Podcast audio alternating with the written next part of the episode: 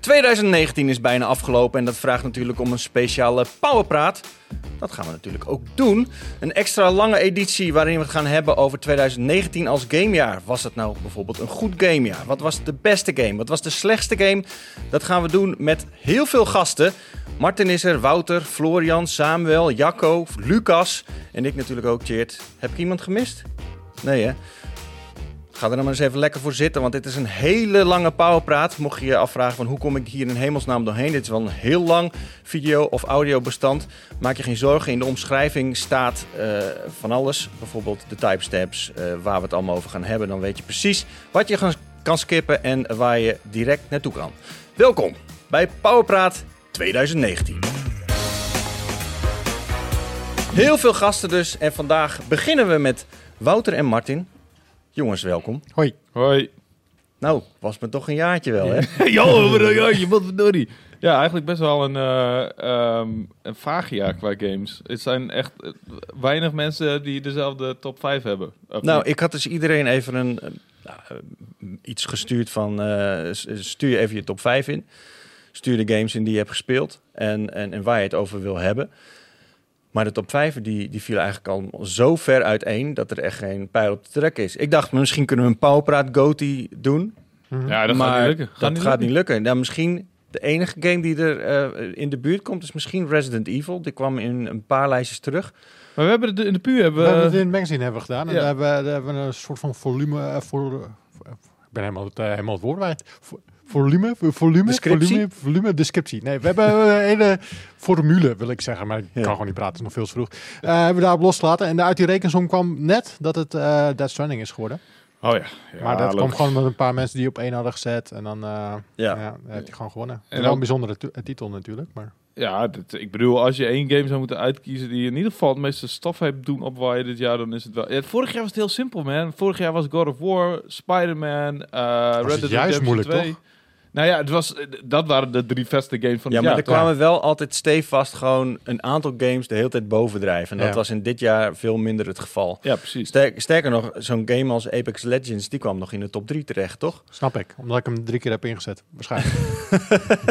hey, uh, laten we even bespreken wat we gaan doen deze Powerpraat. We gaan 2019 in vogelvlucht behandelen, dus we beginnen met januari. Dan gaan we langzamerhand door naar uh, uiteindelijk december en uh, met iedereen uh, die hier zijn, bespreken we ook de top 5. Dus laten we daarmee beginnen. Wouter, wat is jouw top 5 van 2019? Weet uh, je dat nog? Je, nee. Ik heb het, ik heb het zelfs... Jawel, ik weet, ik weet het nog wel. Ik weet, maar ik wil bij 5 beginnen. Ik ben, even, ik ben even kwijt wat ik ook weer op 5 had gezet. Op 5? Oh, natuurlijk, ja, ja, ja, ja, precies. Ja, absoluut. Ja, laten we beginnen met uh, uh, een van de weinige RPG's. Of tenminste de enige RPG die ik in mijn lijst heb staan zelfs. En dat komt niet zozeer omdat ik niet meer een RPG-fan ben, maar dat komt omdat er eigenlijk niet zo heel veel is uitgekomen op dat gebied dit jaar. Het is ook niet zo heel erg gek, want weet je... RPG's... Heel veel woorden om te zeggen dat het The Outer Worlds ja, is. Ja, oké, okay, The Outer Worlds. The Outer Worlds is, ja, het is eigenlijk Fallout in Space. Zo simpel is het. Uh, het is ook, het heeft niet heel veel progressie gemaakt qua, qua gameplay en qua gimmicks ten opzichte van Fallout. Fallout 4 uh, is, is het laatste deel. Maar het is, heeft echt wel een heel tof stijltje. Het is heel erg goed geschreven. Er zitten moeilijke beslissingen in. En, en je beslissingen hebben ook daadwerkelijk zeg maar, invloed op het verhaal. Dus het, het is moeite waard om een paar keer opnieuw te spelen. En dat kan ook, want het is niet een enorme 300, 400 uur RPG. Volgens mij, ik heb me laten vertellen dat je hem in 25 uur kunt uitspelen. Maar dan heb, dan heb je alle sidequests laten liggen. En dat kan ik helemaal niet eens. Dat kan niet eens fysiek aan om zeg maar alles te negeren en gewoon ja. voor het main story te gaan. Uh, maar um, echt een prima RPG. Alleen ja, het is niet, weet je, het is een, het is van de makers van Fallout New Vegas, uh, Obsidian. Uh, die maken sowieso echt, echt. Heb jij hem gereviewd of niet? Nee, dat heeft Jurjen Tiersma gedaan. Wat heeft Jurjen hem gegeven? Weten we Volgens mij ergens rond de 8,8. Ja, zoiets. Ja. 8,5. 8, ja. Wat, wat zou jij hem hebben gegeven? Ja, ook zoiets. Ja. Ja? ja. En dat is een beetje het ding. Jij want was hij staat vakantie toen hij uitkwam, toch? Ja, dat kan kloppen. Ah, ja, ja. ja, precies. Anders was ik de logische keuze geweest natuurlijk. Maar um, ja, dat is een beetje het ding. Het is dus niet... Ik had hem niet een Golden Award gegeven, niet boven een 9. En dat is ook een beetje het ding van mijn lijstje.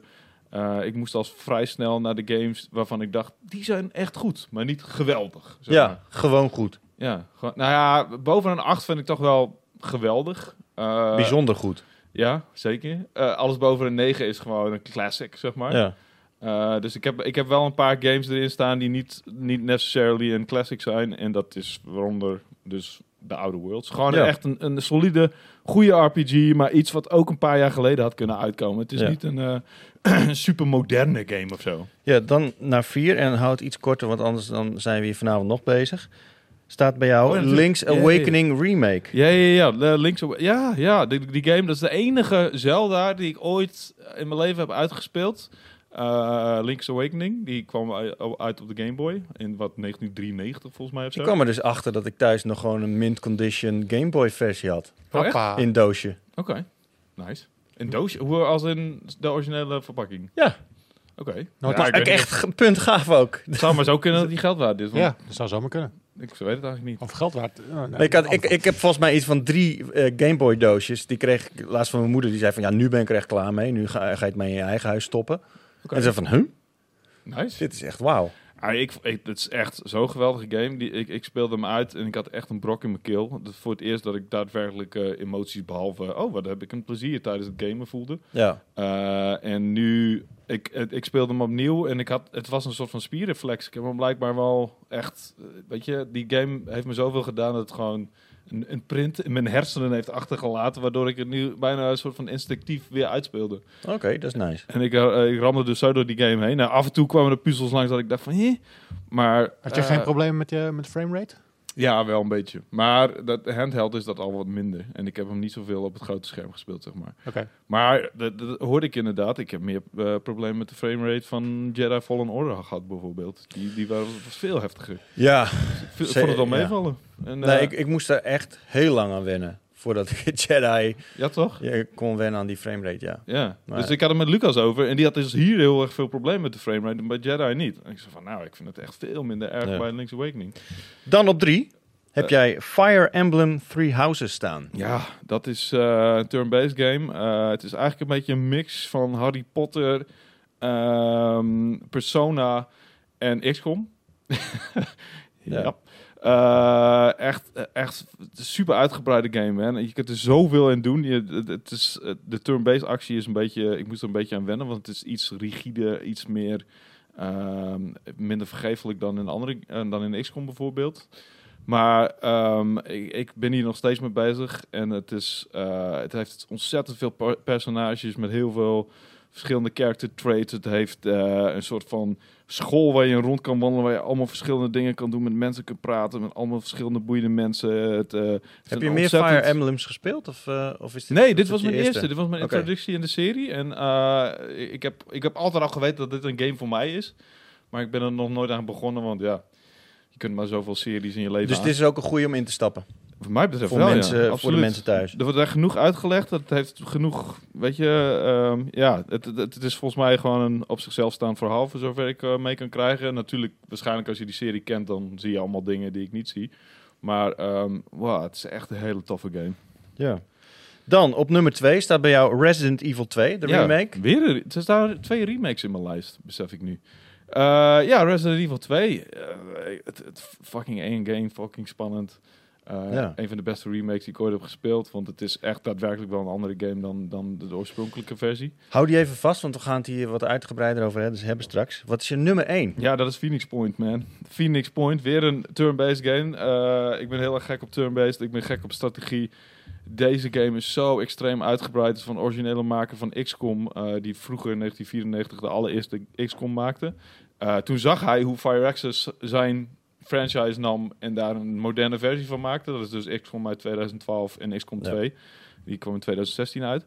En toen dacht hij van, nou, dat kan ik ook. Dat ga ik ook proberen. En hij heeft het, zeg maar, inderdaad geprobeerd. En een aantal vlakken, eh, sowieso qua techniek is het wat minder in- impressive. Het is niet een, een dubbel A of een triple A titel verre van. Maar het is wel echt extreem uitgebreid. En ik heb er super veel uren in zitten al, al. En er zitten ook heel veel upgrade, upgrade mogelijkheden in. Hij is eigenlijk uitgebreid in XCOM 2, alleen zeg maar technisch gezien iets minder impressive. Wat vind je zo mooi aan dat genre? Ehm, de spanning. Het is echt super spannend, omdat je permadeath hebt voor je, voor, je, eh, voor je mannetjes. En je geeft ze allemaal namen en, en, en outfits. En, en je stapt er allemaal cus- customization in. Dus ze upgraden zich steeds verder. Dus je bent de hele tijd bezig Het zijn om een te soort zorgen... van Tamagotchis die ook dood kunnen gaan eh, Ja, in... en je bent, dus, je bent dus de hele tijd bezig om te zorgen dat ze en niet allemaal doodgaan... en dat je de missie op de meest perfecte ehm, wijze mogelijk haalt. Dus het is Mhm. elke keer een soort van puzzel om te zorgen dat het allemaal perfect in orde komt. En des te moeilijker je speelt, des te minder opties je hebt om, om zeg maar het goed te doen. Dus des te spannender het eigenlijk wordt. En weet je, eh, als je het opfokt, dan kost je dat gewoon tijd. En dat is kut. hoe, hoe kut vind je het als een van je mannetjes... eh, Ja, maar dat, ge- dat, dat gebeurt gewoon niet. Ah, oké. Ik, ik zorg gewoon dat het niet gebeurt. En dat betekent de hele tijd opnieuw loaden en de hele tijd opnieuw proberen. en het, ik vind het fantastisch. Het is dat niet gewoon de game cheat eigenlijk? Nee, nee, nee. Dat is, dat, daar word je gewoon voor aangemoedigd. ja. Sterker nog, hier zit gewoon bij elke battle een restart knop. Wat XCOM 2 niet had. Zo van, nou, begin maar opnieuw als een mannetje doodgaat. Want, en dan wordt hij ook super snel opnieuw geladen, het gevecht. Maar ook, ook gewoon de, de, eh, de, de resource management en het, eh, eh, het verzorgen van je, van je basissen en, en het, weet je, upgraden van je mannetjes. Ik heb nu pas de optie dat ik ze kan muteren tot echt een soort van walgelijke halve aliens. En het heeft een soort van Lovecraftiaanse sfeer. Want de, alien, of de aliens, het zijn eigenlijk geen aliens, want ze komen van de aarde. Of tenminste, dat denk ik. Weet ik nog niet. Ik heb nog niet het plot onrafeld helemaal. Want het is super uitgebreid. Het zijn een soort van watermonsters eh, from space. En ze zijn fucking walgelijk. En ze maken vieze geluiden. En de, en de muziek is ook een beetje horrorachtig. En dat maakt het wel echt anders dan XCOM. Het is Hmm. iets freakier dan dat. En, ehm, en je, jij kan je eigen mannen dus ook uiteindelijk eh, zeg maar muteren.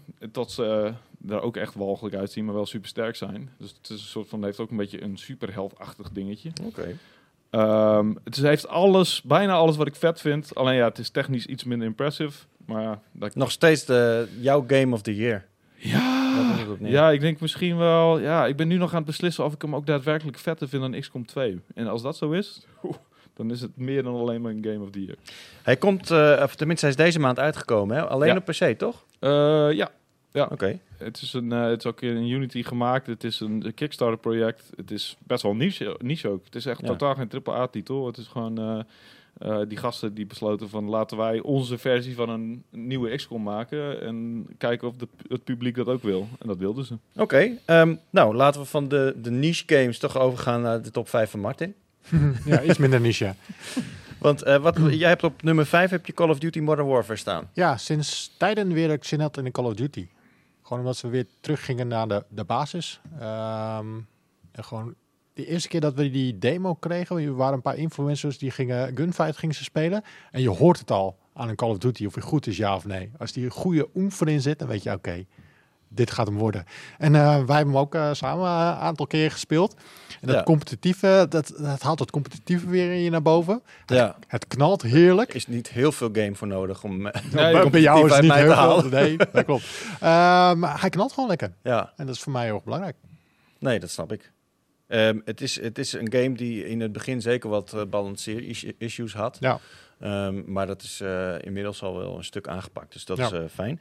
Nummer 4, Resident Evil 2. Resident Evil 2. Ja, nee, Ja, eh, laten we het er zo even over hebben.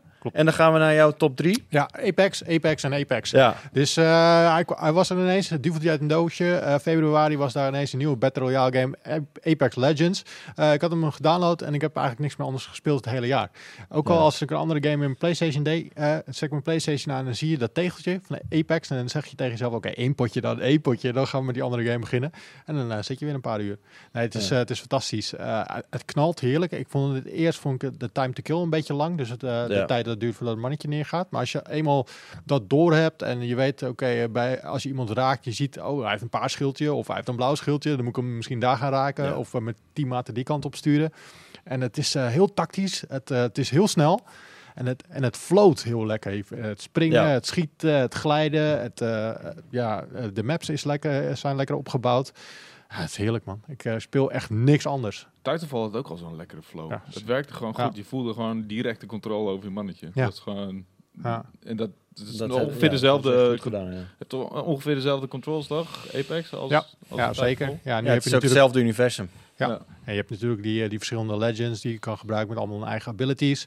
En je moet gaan samenwerken, want je speelt in een team van drie. En ik speel vaak eh, in mijn eentje met eh, twee rando's. En die communicatie, het systeem wat ze erin hebben gebouwd, is echt geniaal. Gewoon met, met je triggers kan je gewoon mensen een kant op sturen. Of zeggen van, hé, hey, daar is een enemy, of we laten die ja, kant dat op gaan. ping-systeem is echt Dat, eh, eh, ja, legendarisch al Ja. nu al. Ja, nou, ja, Fortnite Ja. heeft natuurlijk heel veel elementen uit deze game eh, overgenomen. En dat hebben ze om, om een reden gedaan, omdat het gewoon heel erg goed is. Ja. Heeft Modern Warfare dat ook niet geprobeerd over te nemen? dat Zo'n ping-systeem. Ja, Battlefield had ook wel zo'n systeem dat je enemies kon, eh, als je iemand had gespot, kon je zeggen, hé, hey, daar is een enemy. Oh, ik dacht dat ze over Modern Warfare dat ik een nieuwtje langs zag komen van, oh, zij gaan ook dat ping-systeem Ah, van dat zou best wel kunnen. gebruiken. Ja, waarom ook niet? Weet je, het werkt gewoon heel goed. Vooral die ground war die ze hebben.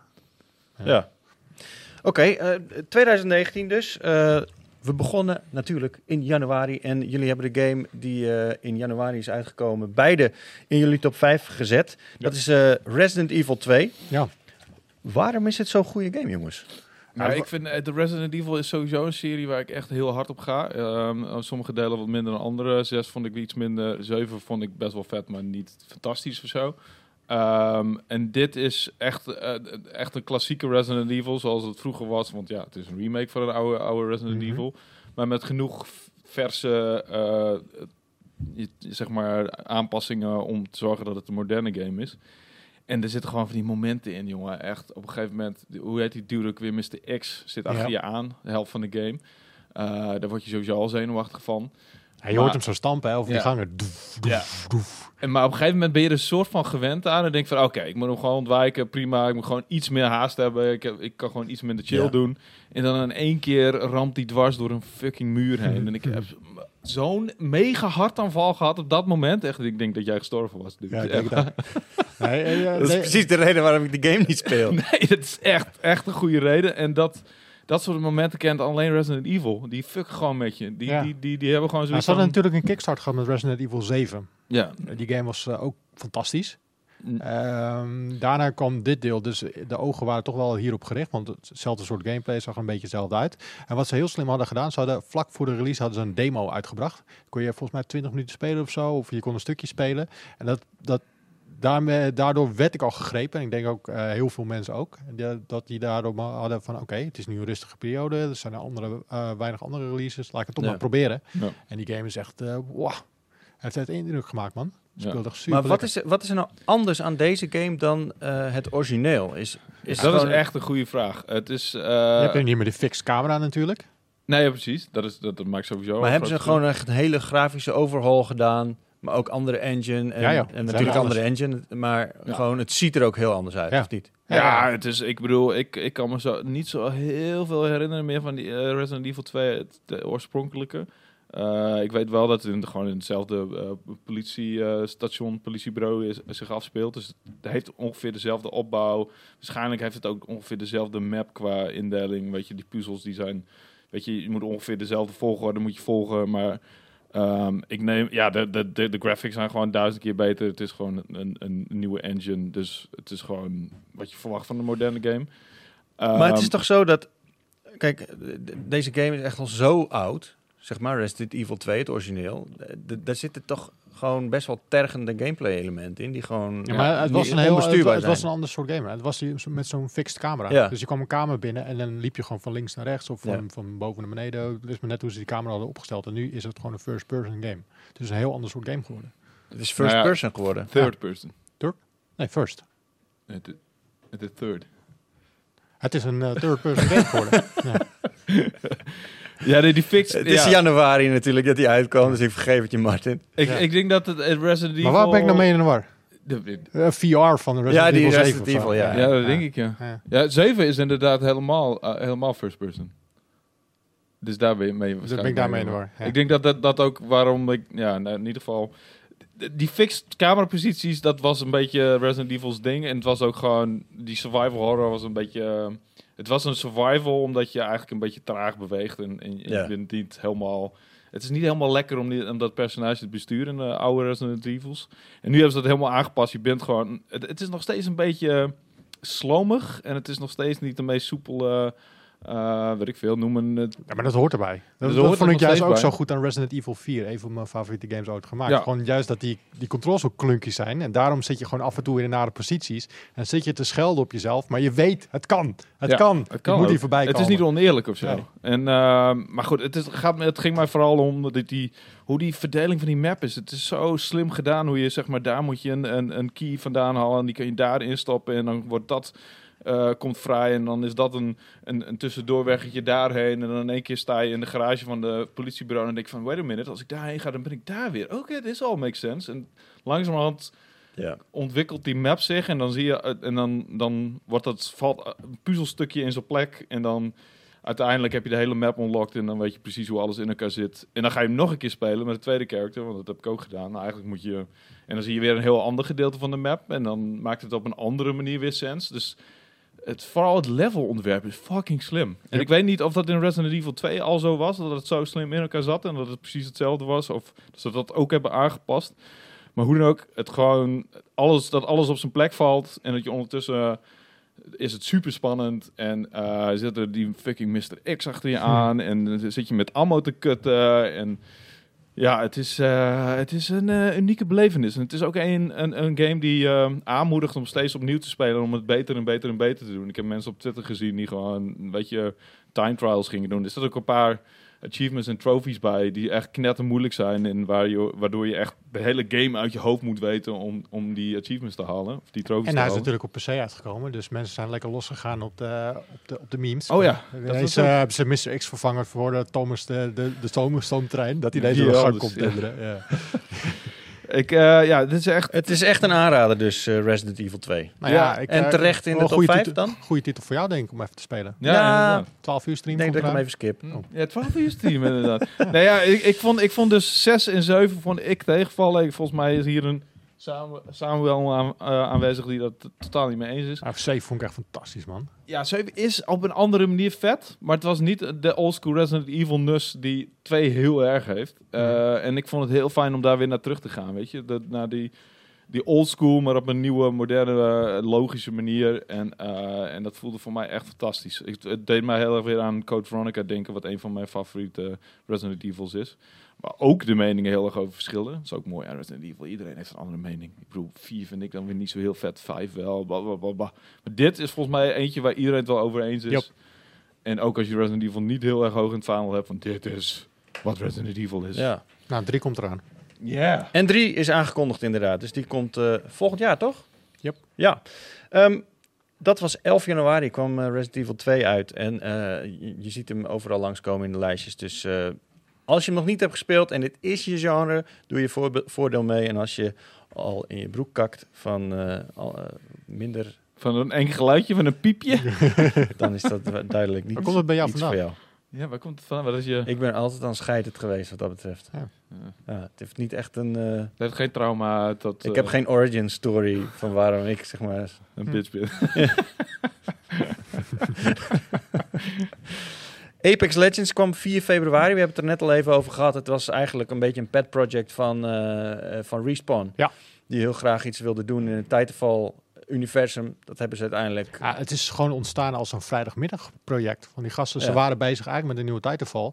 Maar Ja. eh, ze zagen dat Battle Royale helemaal... helemaal Ze- ja, ze wisten niet echt wat ze ermee moesten hè, met, met het nieuwe Titanfall. En uiteindelijk wilden ze dus inderdaad kijken wat, ze, wat ze konden doen in dat... Ja, nou, eh, dit deden ze echt gewoon voor de lol. Gewoon op vrijdagmiddag van, hey, we- eh, Battle Royale vinden we leuk. PUBG en Fortnite, maar laten we het even met, eh, met Titanfall doen. Dus ze hebben zelf een kaart in elkaar geflanst. En, eh, eh, op, tijdens kantooruren of op de vrijdagmiddag met de pilsie erbij gingen ze dit spelen. En het was zo leuk. Ze bleven het maar spelen. En toen Ja. hadden ze ineens ze hadden ook die Titans hè, van Titanfall, hadden ze er eerst Ja. in. En toen ja. zeiden van, ja, dit werkt toch niet helemaal lekker in Battle Royale. Laten we het niet er toch maar uitslopen. Yep. Right. En ineens was hij daar. Maar hij werd een dag ervoor aangekondigd van, hé hey, jongens, er komt hier aan. Ja, En ze hadden een ploep. influencer campagne. Dus ze Nou. hebben iets van 50 influencers ingevlogen. Die hebben de game gespeeld. En hebben ze tegen ze gezegd... Ja, je moet eigenlijk een beetje rond halftime, Super Bowl... moet je een tweetje plaatsen van... Oh, ik, eh, ik heb dit en dit gespeeld. eh, of eh, ik- er komt iets aan. Ja. En het is wel geinig, want die Vincent Pella... Die, eh, dat is een van de directeuren van, eh, van Respawn. Die kwam dus van Infinity Ward. Die had ook gezegd, want ze hadden dus een marketingcampagne rondom die influencers. Die hadden tweetjes gedaan en hadden ook influencers getweet. "Thi- This is going to change the industry. En dan had hij ook gezegd, oh, that's gross, man. Een beetje rond die, diezelfde periode als dat Fire Festival, weet je. Ja. Dat iedereen Oh echt, eh, die influencers daar helemaal eh, lijp over gingen doen. En dat werd echt een flop van de eeuw. Ja. Maar goed, uiteindelijk is hij echt super supergoed geland. Ja. En Ja, hij was ik- gratis. je- hij is al bijna niet meer weg te drinken. Ik Nou, hij bedoel, was 4 gratis, februari iedereen kon spelen. Dus eh, iedereen kon het gewoon even proberen. Als dit een betaalde game zou worden, dan had het misschien, denk ik, iets minder gedaan. Maar iedereen had zoiets van, oké, toch even proberen. Ja. Het moment dat je zegt, oké, ik ga het even proberen. Dat gebeurde bij mij. Eh, nou, ja, een jaar later bijna. Ik ben nog steeds dagelijks aan het spelen. Maar is het, is het succes niet een beetje gestagneerd inmiddels? Ik bedoel, ik heb het idee dat, dat zeg maar mensen... er, er komt nog wel DLC voor, eh, neem ik aan. Of? Inmiddels is hij gewoon echt solide. Natuurlijk, er is een drop geweest na de initiële start, maar dat, dat heb je bij elke game. Mhm. Eh, maar nog steeds met die updates en, eh, en die seasons. Ja, is eerst, wel- de eerste paar maanden waren ze natuurlijk heel trots cijfers aan het presenteren. We hebben zoveel miljoen spelers en eh, Ja. we hebben zoveel miljoen spelers. Op een gegeven moment wordt dat gewoon stil. En, eh, ja, ik weet niet hoeveel miljoenen spelers ze nu hebben, maar elke, elke keer is mijn potje nog vol. Dus eh, ik ben blij. Ja, precies. En ze, hij wordt ook goed ondersteund. Ze luisteren goed naar de community. Eh, je ziet ook, eh, ik eh, volg ze op, eh, op Reddit en je ziet ook de, de devs zitten daar gewoon in. Dus als iemand een puntje heeft, dan eh, reageren ze er zelf ook Ja. gewoon onder van, oké, hier gaan we naar kijken. Of als iemand een, eh, eh, eh, ze hebben nu bijvoorbeeld eh vaults of kluizen hebben ze in die nieuwe map hebben ze liggen. En dan had iemand gezegd van, hé, hey, waarom maken jullie die trein die er nu ook in rondrijdt, waarom maken jullie niet een soort van heist van, dat we, dat we die trein moeten gaan overvallen? Dus hij zei, oh, goed idee. Dus waarschijnlijk met de volgende update zit die train, eh, train heist zit er gewoon in. Oh jee. Ja, dus eh, ze luisteren echt goed naar de community Ja. en eh, dingen die ze aan moeten passen, dat doen ze ook vaak ook heel snel. Of soms hebben ze ook leuke evenementen van, met zombies erin. dat, dat jij een zombie kan worden als je wordt neergeschoten. Dat je op andere legends moet gaan jagen. dat iedereen ineens alleen is. Dus ja, het is echt een Komt er nog, een- denk je, ooit een Evolve-style... eh, Evolved-style modus, hoe noem je dat? Die A-lineaire multiplayer of zo? Ja. Dat, dat er één Titan is. En, Ongetwijfeld. eh, dat lijkt me wel vet namelijk. Gewoon, ik bedoel, Hmm. Het is van Titanfall, ja, toch? nee, zeker. Maar dat zou echt super grappig zijn. Ja, daar heb ik er nooit over nagedacht. Eén Titan en de rest allemaal Ja. spelers. En dan die Titan afknallen. Goed idee, Wouter. Ja. Misschien willen ze je wel ik aannemen ik bij ik ben Respawn- vast niet de enige, de eerste die dat verzonnen heeft. Dat lijkt me heel Ik denk het wel. Ik denk dat jij de eerste paarden bent. hey, eh, laten we verder gaan. Ehm, we hebben het gehad over Resident Evil 2, Apex Legends. 4 februari zitten we nu. We gaan naar 22 februari. Oh shit. Anthem kwam uit. En Mm. Martin, bij deze nemen we even voor je, van je afscheid. Wat? Die heb ik ook gespeeld. Tijdelijk. Want Jacco komt erbij. Anthem. Jacco, Oh, oh, komt wat, hard, wat hard. We moeten gewoon mensen weg gaan sturen Ja. van de tafel. Ga je maar weg. Doei. Doei! Hier, ga jij maar lekker over Anthem praten. Ja. Is het live? Ja man. Dit is live. live? Dit is Oh. gewoon live. Dit wordt meteen uitgezonden in de ether. Gelukkig nieuwjaar. Bijna, bijna. Oeh, Zei je nou... Ja, nee, het zit in mijn systeem. Kan het Konjo? er niet uithalen. Mm. Ja, nee, Spaanse vrouwen heb je dat. Hey, Jek, eh. Jacco, Ja. van harte welkom. Dankjewel. In deze. Powerpraat.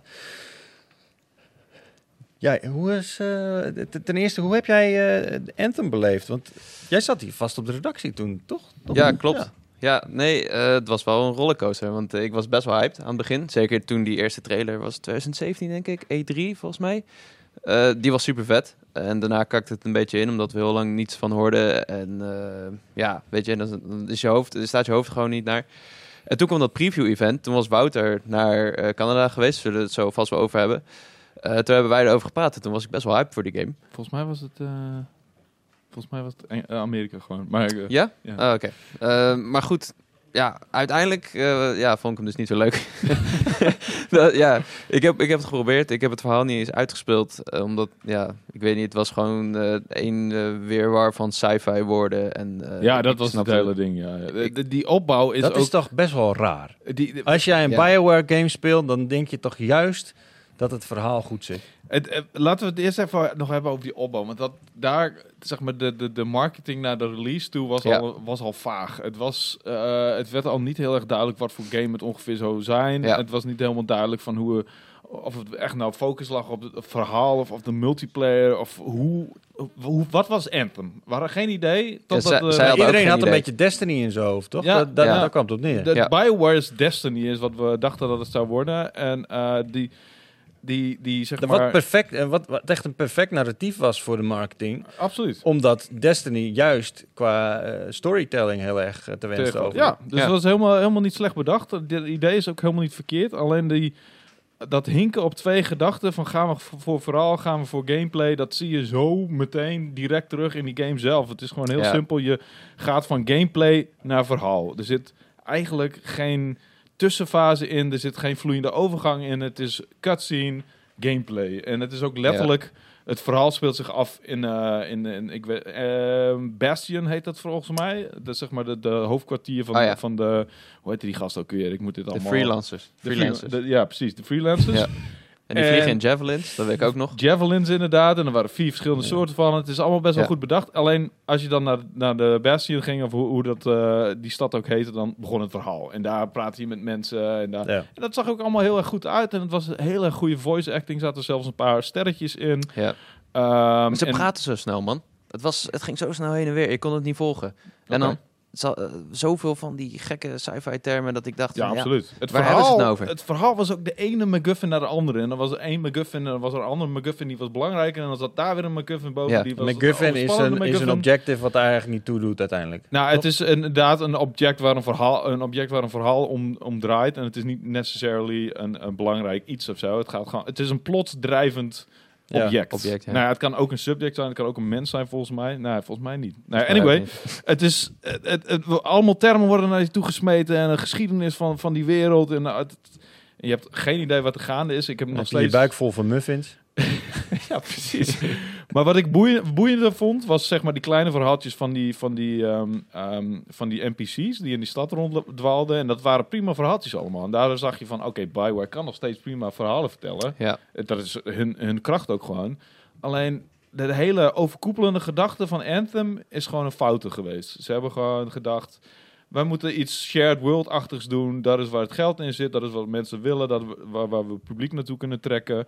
Alleen Bioware is daar gewoon niet de geschik- geschikte eh, ontwikkelaar voor. Ja, een beetje game as, as a service. Ik, ik las Ja. daar ook iets over. Dat is gewoon niet iets waar BioWare zich mee moet, be- moet bemoeien überhaupt. Ik denk het niet. Ik denk dat zij Ja. er niet geschikt voor zijn. Ik denk dat zij zich moeten eh, houden ehm, aan hun krachten. En dat is verhaalvertelling. En singleplayer, denk ik. Ze hebben heus wel multiplayer dingen gedaan. En Dragon Age heeft multiplayer gehad. Mass Effect heeft eh, multiplayer gehad. Allemaal Ja. soort van gemengd. Succesvol. Het was heus leuk, maar het is niet zoveel. Het, het, het maakt niet zoveel impact als gewoon hun singleplayers.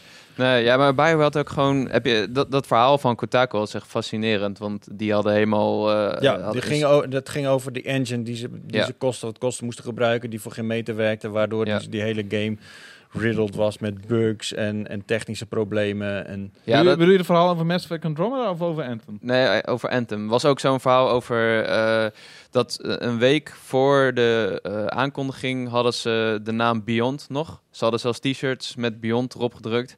En toen hebben ze vlak voor E3 hebben ze Anthem erin gedaan. En toen zag het personeel die trailer en toen dachten ze... Oké, eh, we doen, het is blijkbaar Anthem eh, en we gaan blijkbaar vliegen. Want dat was ook pas besloten. Ja. En daardoor moest de hele game omgegooid worden. eh, en inderdaad, die Frostbite engine, dat hoor je ook vaak terug eh, bij eh, Andromeda was het. En volgens mij ook eh, Dragon Age Inquisition. Dat het gewoon echt een draak van een engine is om iets anders te maken dan een shooter. Ja. En daar hoor je zoveel mensen over klagen. En ja, die ontwikkeling is gewoon één grote drama geweest. En het is ja, maar gewoon... de- ja, weet je wat het is? Andromeda ook al. Dus de- Ja. waarom hebben ze niet geleerd van hun fouten? En waarom hebben ze niet gezegd van... oké, we weten nu wat we moeten doen. Want de vorige keer...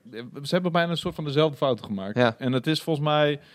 Mensen blamen het ook aan EA. En dan zeggen ze... Bioware zegt dan weer van... nee, het is niet EA's schuld. Het is onze eigen, eh, eigen eh, fout geweest. En wij hebben dit en dat niet goed gedaan.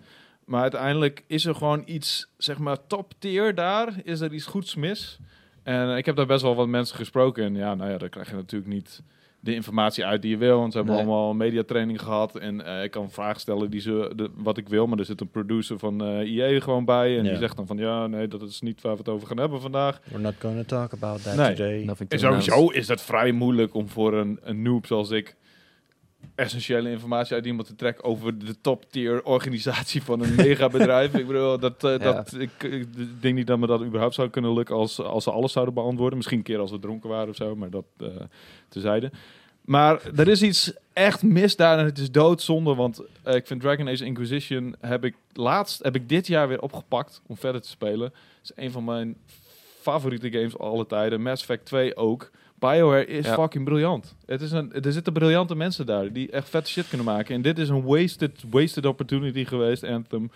Ehm, ze zitten er nog een beetje, een beetje tegenaan te schoppen. alsof- Geweest, ben je er wel zeker van. Want in november kwamen er geruchten dat eh, BioWare nog lang niet Anthem heeft losgelaten. En dat ze daar juist een hele overhaul op gaan geven. Over, Ja, over die tuurlijk, hele- tuurlijk Ja. zeggen ze dat. Ik bedoel, wa- wa- waarom zou je zo'n project eh, meteen gaan droppen na zo'n korte tijd? Eh, dat staat heel erg slordig. En, eh, Maar ja, hoe ga je Anthem redden?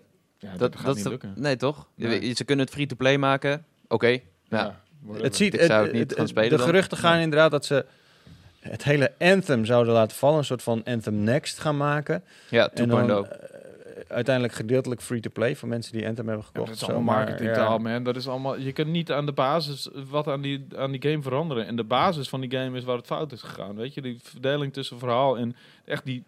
Weet je, je hebt, hier heb je verhaal, hier heb je gameplay. Tjak! Hebben ze gedaan.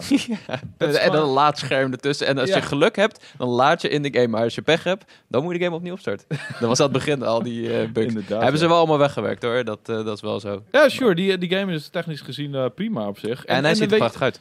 Ja, absoluut. En ik vind ook echt, eh, die javelins werken fucking goed. Die powers, eh, de, de- hoe je rondvliegt, het voelt echt powerful. Weet je, als je door zo'n zo'n waterval heen vliegt en je motors koelen af en dan kun je weer... Ja, dat is prachtig. Het, is, het ziet er super vet uit. Het duiken Ja. ziet er tof uit. Die wereld is mooi. Alleen, ja, ehm, ik heb niet heel veel...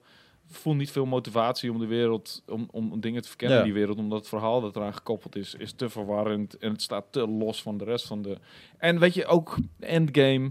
Je kreeg letterlijk, als je de game... Dat heb jij dus niet gedaan, maar als je de game uitspeelt... krijg je letterlijk een mega waslijst Ja. Van wat je moet doen om een of andere... Ik weet niet eens meer wat je ervoor haalde, maar dat was de endgame. Het was gewoon letterlijk een wa- waslijst met van... Doe dit 10 keer, doe dat 20 keer, doe dat 30 keer. Dat had je midgame ook. Midgame had je dat ook. Dat vond ik echt heel vervelend. Ja, dat klo- klopt. Er is zo'n Die moment in het verhaal dat, er dat je die trials moet doen. En Ja. dat is ook... Ja. De, de, oh, die game is, eh, is, is... Je ziet de potentie ervan afdruipen, maar... Je kan echt de, de slechte beslissingen op je handen tellen gewoon. En het is heel spijtig. Kunnen we Anthem de flop van 2019 noemen? Mm, ja. Ja. Het is, en ik hoop niet dat het de ondergang van Bioware wordt. Denk ik ook niet. Ze kunnen- zijn nog bezig met die nieuwe Dragon Age. eh, Ja. Nee, het is ook niet de ondergang. Ik bedoel, ze, kunnen, ehm, ze hebben dit kunnen incasseren, zeg maar. Maar het is wel al de tweede pijnlijke game achter elkaar aan, weet je. Andromeda was ook al mega pijnlijk. Nog extra pijnlijk, omdat het in een franchise zat, Ja. waar iedereen heel veel liefde voor heeft. En deze eh, is, is dan wat dat betreft een minder grote teleurstelling van, ja, wat, wat is Anthem? I don't know. Ja. En dat weten veel mensen nog steeds niet. Maar ehm, oh, hopelijk, hopelijk verneuken ze Dragon Age niet.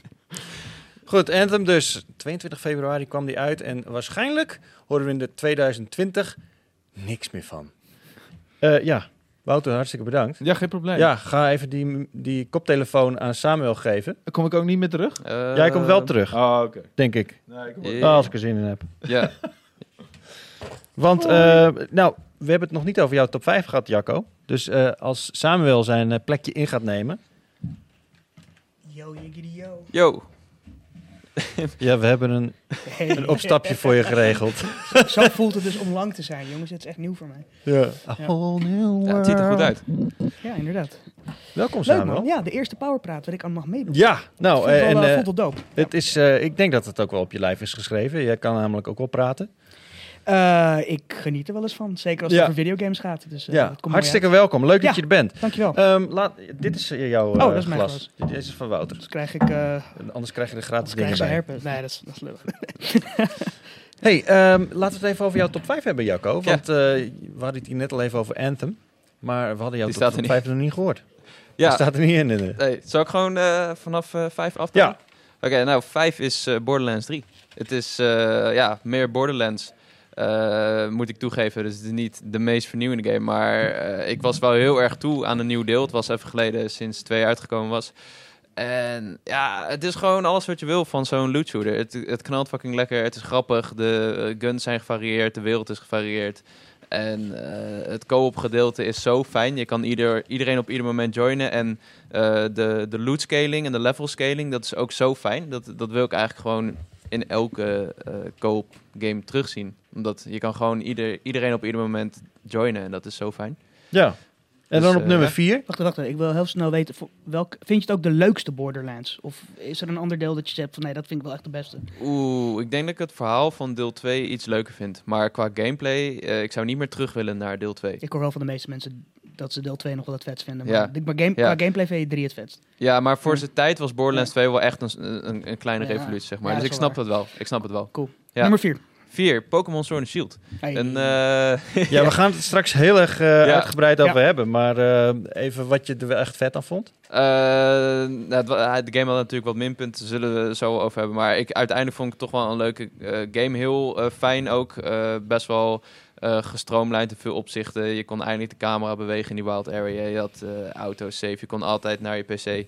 Ehm, de, de wild area zelf vind ik een leuk feature. Daar, kom ik nog heel vaak terug, omdat gewoon iedere dag wat anders te vinden is. Eh, raids doe ik samen met anderen. Dat, dat vind ik ook super leuk om te doen. Eh, en gewoon die, die regio vind ik super vrolijk. De Pokémon die erin rondlopen. Ik, ik hou echt van die nieuwe generatie. En, eh, Ik denk dat jij het ook goed benaderd hebt. Want je kan Pokémon Sword and Shield denk ik op twee manieren benaderen. ja, Wat heeft het wel en wat heeft het niet? En Ja, jij hebt heel klopt. duidelijk gekeken naar wat zit er wel in. ja, ja. Ja. Maar eh, daar gaan we het zo over Daar gaan we het zo hebben. over hebben inderdaad. Cool. Eh, nummer drie is eh, Resident Evil 2. ik zal het kort houden, hebben jullie het net Ja, over gehad. Maar ik, moet, ik moet zeggen dat ik echt een scheiter ben, ook. Eh net zei je het. En eh, ik, ik, heb die Dat game, ik heb die game laten varen. En toen in de zomer toch opgepakt. En dat was echt het Maar stomste waarom? seizoen. Waarom doe je, als je scheiterd bent, waarom zou je die game oppakken? Oh, ja, omdat mijn broertje zei, je bent een scheiter, je moet gewoon die game gaan spelen. Ik zei, oké, ik ga hem spelen, want hij kreeg overal goede cijfers. Eh, en eh, ja, toen heb ik gewoon avonden eh, helemaal nat van het zweet in mijn onderbroek die game zitten spelen. En Dat is trouwens het omdat het zo heet was, omdat het zo spannend was. allebei. ja, serieus, allebei. En ik kon gewoon echt sommige avonden niet meer, niet meer slapen door de adrenaline. Want op een gegeven moment was ik gewend aan die zombies. En dan komt die Mr. X, die loopt Ja. gewoon zo je safe room in. En ja, ik heb gewoon uit paniek heb ik gewoon op die Xbox-knop gedrukt. oh, ik, ik, kut, ja, die kan Ja. ik niet aan. ik, Eh, ik denk dat dat ook de reden is dat Resident Evil zo groot is. Want er zijn Ja. heel veel mensen die horror in games eigenlijk niet leuk vinden of te eng vinden. ja. Maar het ding van Resident Evil is dat het ook altijd een beetje gunporn en gewoon avontuur is geweest. Ja. En dat balanceert die angst net een beetje uit of zo. Ja, het is ook echt een soort van eh Metroidvania game. Je hebt, je hebt echt leuke puzzels. Je moet echt Ja. iedere keer uitvogelen waar je naartoe moet. Met dat, die angst dat er eh, om de hoek eh, of die beesten kunnen zitten. En dat maakt het wel, eh, Ja, dat maakt het wel heel goed tof. gezegd. Gewoon echt een goede game. En modern. Is het, is het zeg maar de... Resident Evil, is dat een makkelijke jumpscare game? De- ik vind het altijd van die typische ehm, Outcast, eh, Nee, of game- Outlast heet die. eh, Games als Outlast die doen het echt Ja. de jumpscares. In Ja. Resident Evil zitten er altijd wel een paar in. Maar die Dus niet een beetje die, meer die onderhuidse spanning. Het is die- meer de spanning weten dat, er, dat, er, eh, dat je een nieuwe kamer binnenkomt en dat daar dus ergens vijanden zitten. Dat is, het, dat is het engere dan daadwerkelijk dat er iets opeens in je gezicht springt. Dat gebeurt Ja. bijna nooit. Um, en da- daarom vind ik ook dat de angst in Resident Evil wat meer verdiend is. Ja, ik heb nog wel een, een, een, een, vraag, of althans een, een stelling over Resident Evil 2 die ik er Mhm. snel in wil gooien. Resident Evil 2 Remake is onder andere zo goed omdat ze inderdaad het origineel hebben gepakt en een paar dingen hebben getweakt. Ja. Eh, Mr. X heeft een iets prominentere rol in deze dan hij had het origineel, vind ik. Ehm, Resident Evil 3 Nemesis, de remake daarvan, is onlangs Ja. aangekondigd. Ik vraag me af of die remake net zoveel impact gaat hebben. Want wat zo vet was aan die game was Nemesis. Ja. Maar zijn Thunder is al een beetje gestolen door de prominente rol van Mr. X in deel 2. Ja. Dus ik vraag me af, ja, ik- heb jij daar iets over? Ja. Ja, nee, er zit wat in. Maar ik weet dus, ik, ik heb dus, dit was mijn eerste Resident Evil game. Omdat ik ze altijd Oh ja, heb natuurlijk. vermeden. Ja, ja, dus jij hebt niet echt vergelijkingsmateriaal. Nee, daarom. Ja, En ja. deel 3, ja, ik weet niet, ik heb er geen zin in, maar ik ga ik wel proberen. Je hebt er eh, geen zin in, maar, Maar is, wel. maar Ja. is Mr. X, dat is toch Nemesis of niet? Nee, nee. eh, de, eh, Mr. X en Nemesis zijn soortgelijke wezens in de zin van dat, dat ze mu- gemuteerd zijn aan de hand van het Tyrant.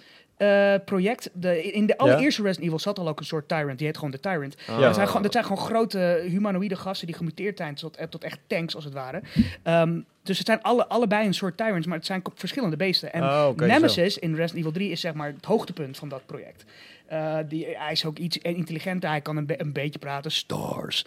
Ehm, ehm, en hij is gevaarlijker ook. Maar eh, je ziet dat, zeg maar, je hebt zeg maar Tyrant, eh, Mr. X, Nemesis.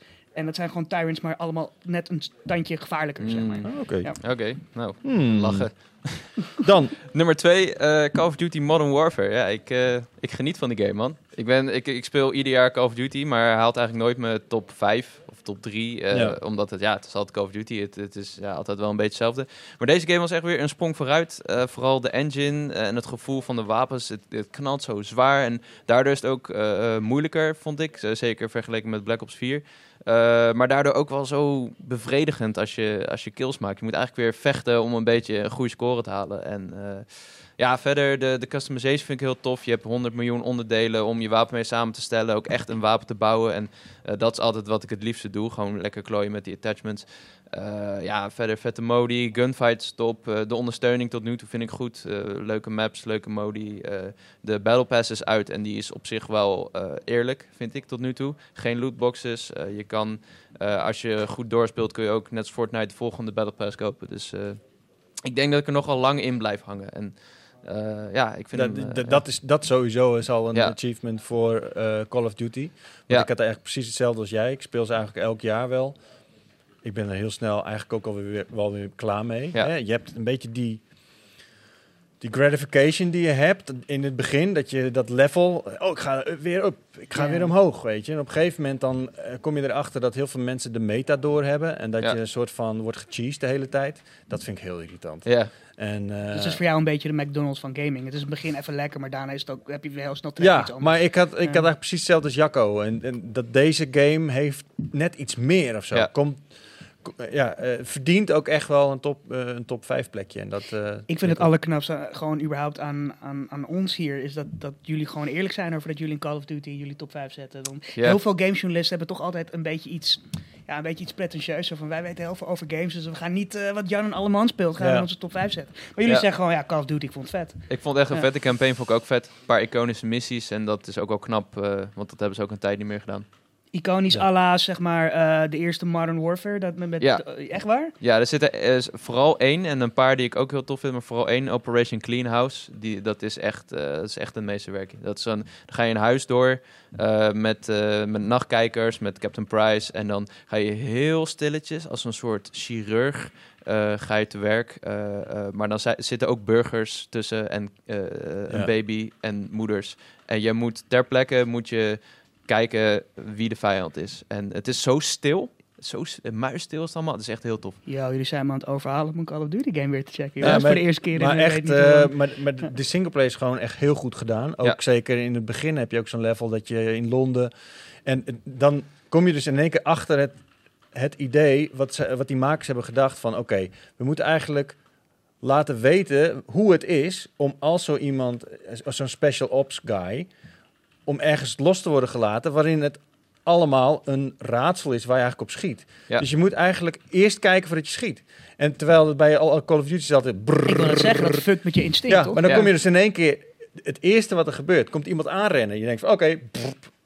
fuck, dat was gewoon een burger. Ja. Dus van, Wow, ik krijg wow. spek op de line eh, vibes van, van deze beschrijving. een nee, niet helemaal, niet, Ja. niet op dat niveau, maar wel, wel een beetje in die zin. Het, eh, ja. Ja, ze hebben het goed gedaan. Ik vond het tof. Ja. Cool. Ja. Ja. ik was eerst bang dat het een gimmick zou zijn, weet je. Ja, dat hele burgerding. Maar heel goed. En dat was jouw nummer twee en dan jouw nummer één. Ja, eh, nummer 1 is Life is Strange 2. En het is een beetje een gekke Mm. keuze, want die game kwam eh, september vorig jaar eh, uit. In ieder geval de eerste episode. Ja, En de laatste episode 3 december, toch? Ja, die is echt eh, eh, deze maand uitgekomen. Eh, en ik vind het toch wel een hele bijzondere game. Toen, toen ik de eerste episode speelde, dacht ik... Deze game is voor mij gemaakt. Want je volgt eh, twee broertjes, eh eh, Sean en Diaz. Eh, Sean is dan de oudere broer en Diaz is dan... of Daniel is dan eh, zeven jaar jonger. En je, op een gegeven moment moeten die twee dan vluchten naar Mexico. En dan komen ze situaties en het, het is eigenlijk een soort van grote broer-simulator. Je moet je broertje opvoeden, je moet voor hem zorgen. En dat herken ik zo erg terug van mijn eigen broertje, die ook zeven jaar jonger is en die ook altijd Minecraft Mm, wilde spelen. Ja. En eh, dat, dat hebben ze zo goed gedaan. Dat je ziet echt aan hun schrijfwerk dat ze werken vanuit hun eigen ervaringen, zeg maar. Hm. Dat, dat is zo, ja, het is gewoon zo puur. En aan de andere kant is Life is Strange, net als het eerste deel en de spin-off, zo goed in je in situaties plaatsen die eh, ik in ieder geval nog nooit heb meegemaakt. Want zij zijn half Mexicaans. En er zijn gewoon momenten dat je eh, door een stel rednecks in elkaar wordt getrapt voor de ogen van je broertje. En dan de keuze krijgt van wat ga je doen? Ga je verzetten? Ga je, ga je die stok pakken en ga je terugslaan? Of eh, incasseer je het? En dat heeft dan ook weer invloed op de, uiteindelijk het einde of het verloop van het verhaal. Ja. Want je bent een soort voorbeeldrol. En ja, dat is gewoon zo, zo krachtig. Dat die momenten hebben me echt geraakt in die game. En ik dacht van Is fuck. het een game waar je ook lang nadenkt over de keuzes? Of probeer je wel zeg maar, je eerste instinct te kiezen meestal? Ja, eh som, ja al, Er zijn een allebei beetje twee typen gamers. Hè? De e- ene doet Ja. precies wat jij zelf zou doen. En de andere die denkt van, oh, wat, fuck it, ik ga gewoon Wat, evil wat, wat is motherfucker de zijn. beste versie volgens... Ja. Ja. ja, ja. Nee, omdat ik het zo herkenbaar vond, wilde ik echt de beste grote broer zijn. Dus ik Ja. wilde een voorbeeld zijn. En eh, Ja. het, eh, ja, Nee, gewoon, ja, het, het, het beste met, met hem voor hebben, zeg maar. En, eh, dat, en vooral de eindes, er zijn drie verschillende eindes. En in tegenstelling tot het eerste deel zijn ze ook alle drie even goed. Dus, en dus niet eentje waarvan je zegt, nou, dit is de canon, zeg maar. Dat had je Oh, bij ja. deel 1 een beetje. Maar goed, ja, het is gewoon een hele bijzondere game. Als je niet bang bent om iets van de echte wereld terug te zien in je videogames, dan moet je Luister eens 2 echt een kans geven. Oké, Dope. dankjewel Ja. voor je top 5, eh Jacco. Ja. Samuel, jouw Ja. top 5 van 2019. Ja, Wat is eh, het? Zo, eh, om, om, om jij- nog even te echoen wat, wat, de jongens hiervoor zeiden. Ik, ik vind het ook heel erg tof dat iedereen zo'n uiteenlopende top 5 Ja. heeft. Ik weet niet of het nou precies ligt aan de smaak van iedereen, maar ook een beetje Nou, aan hoe het gamejaar zich heeft Een ontwikkeld. beetje, ik denk dat het een beetje is hoe het gamejaar zich heeft eh, uitgepakt. Maar ik denk dat het ook een beetje te maken heeft met eh, de mensen op de redactie hier zelf. Ik denk dat iedereen ook iets volwassener is geworden in... eh, ik, ik zie gewoon, ik, ook op social media, hoe mensen zich nu tegenwoordig uiten. Ik denk dat mensen wat meer hun eigen niches hebben gevonden. En dat meer durven te uiten. Ook omdat gaming aan zich een, een meer geaccepteerd ding geworden is op social media. Dus ik denk, ik heb het idee dat, dat iedereen iets minder eh, zich gepressured voelt om de dingen te kiezen die iedereen kent. Ehm, Ja. Ik denk dat mensen doorhebben van, oh, we kunnen ook dingen kiezen die mensen niet kennen. Want mensen gaan het wel opzoeken in plaats van dat ze zeggen van, huh, wat is dat? Dus eh, Ja. ik, ik denk ook dat mensen gewoon dit jaar meer durven om een andere top 5 te hebben. En dat vind ik heel mooi.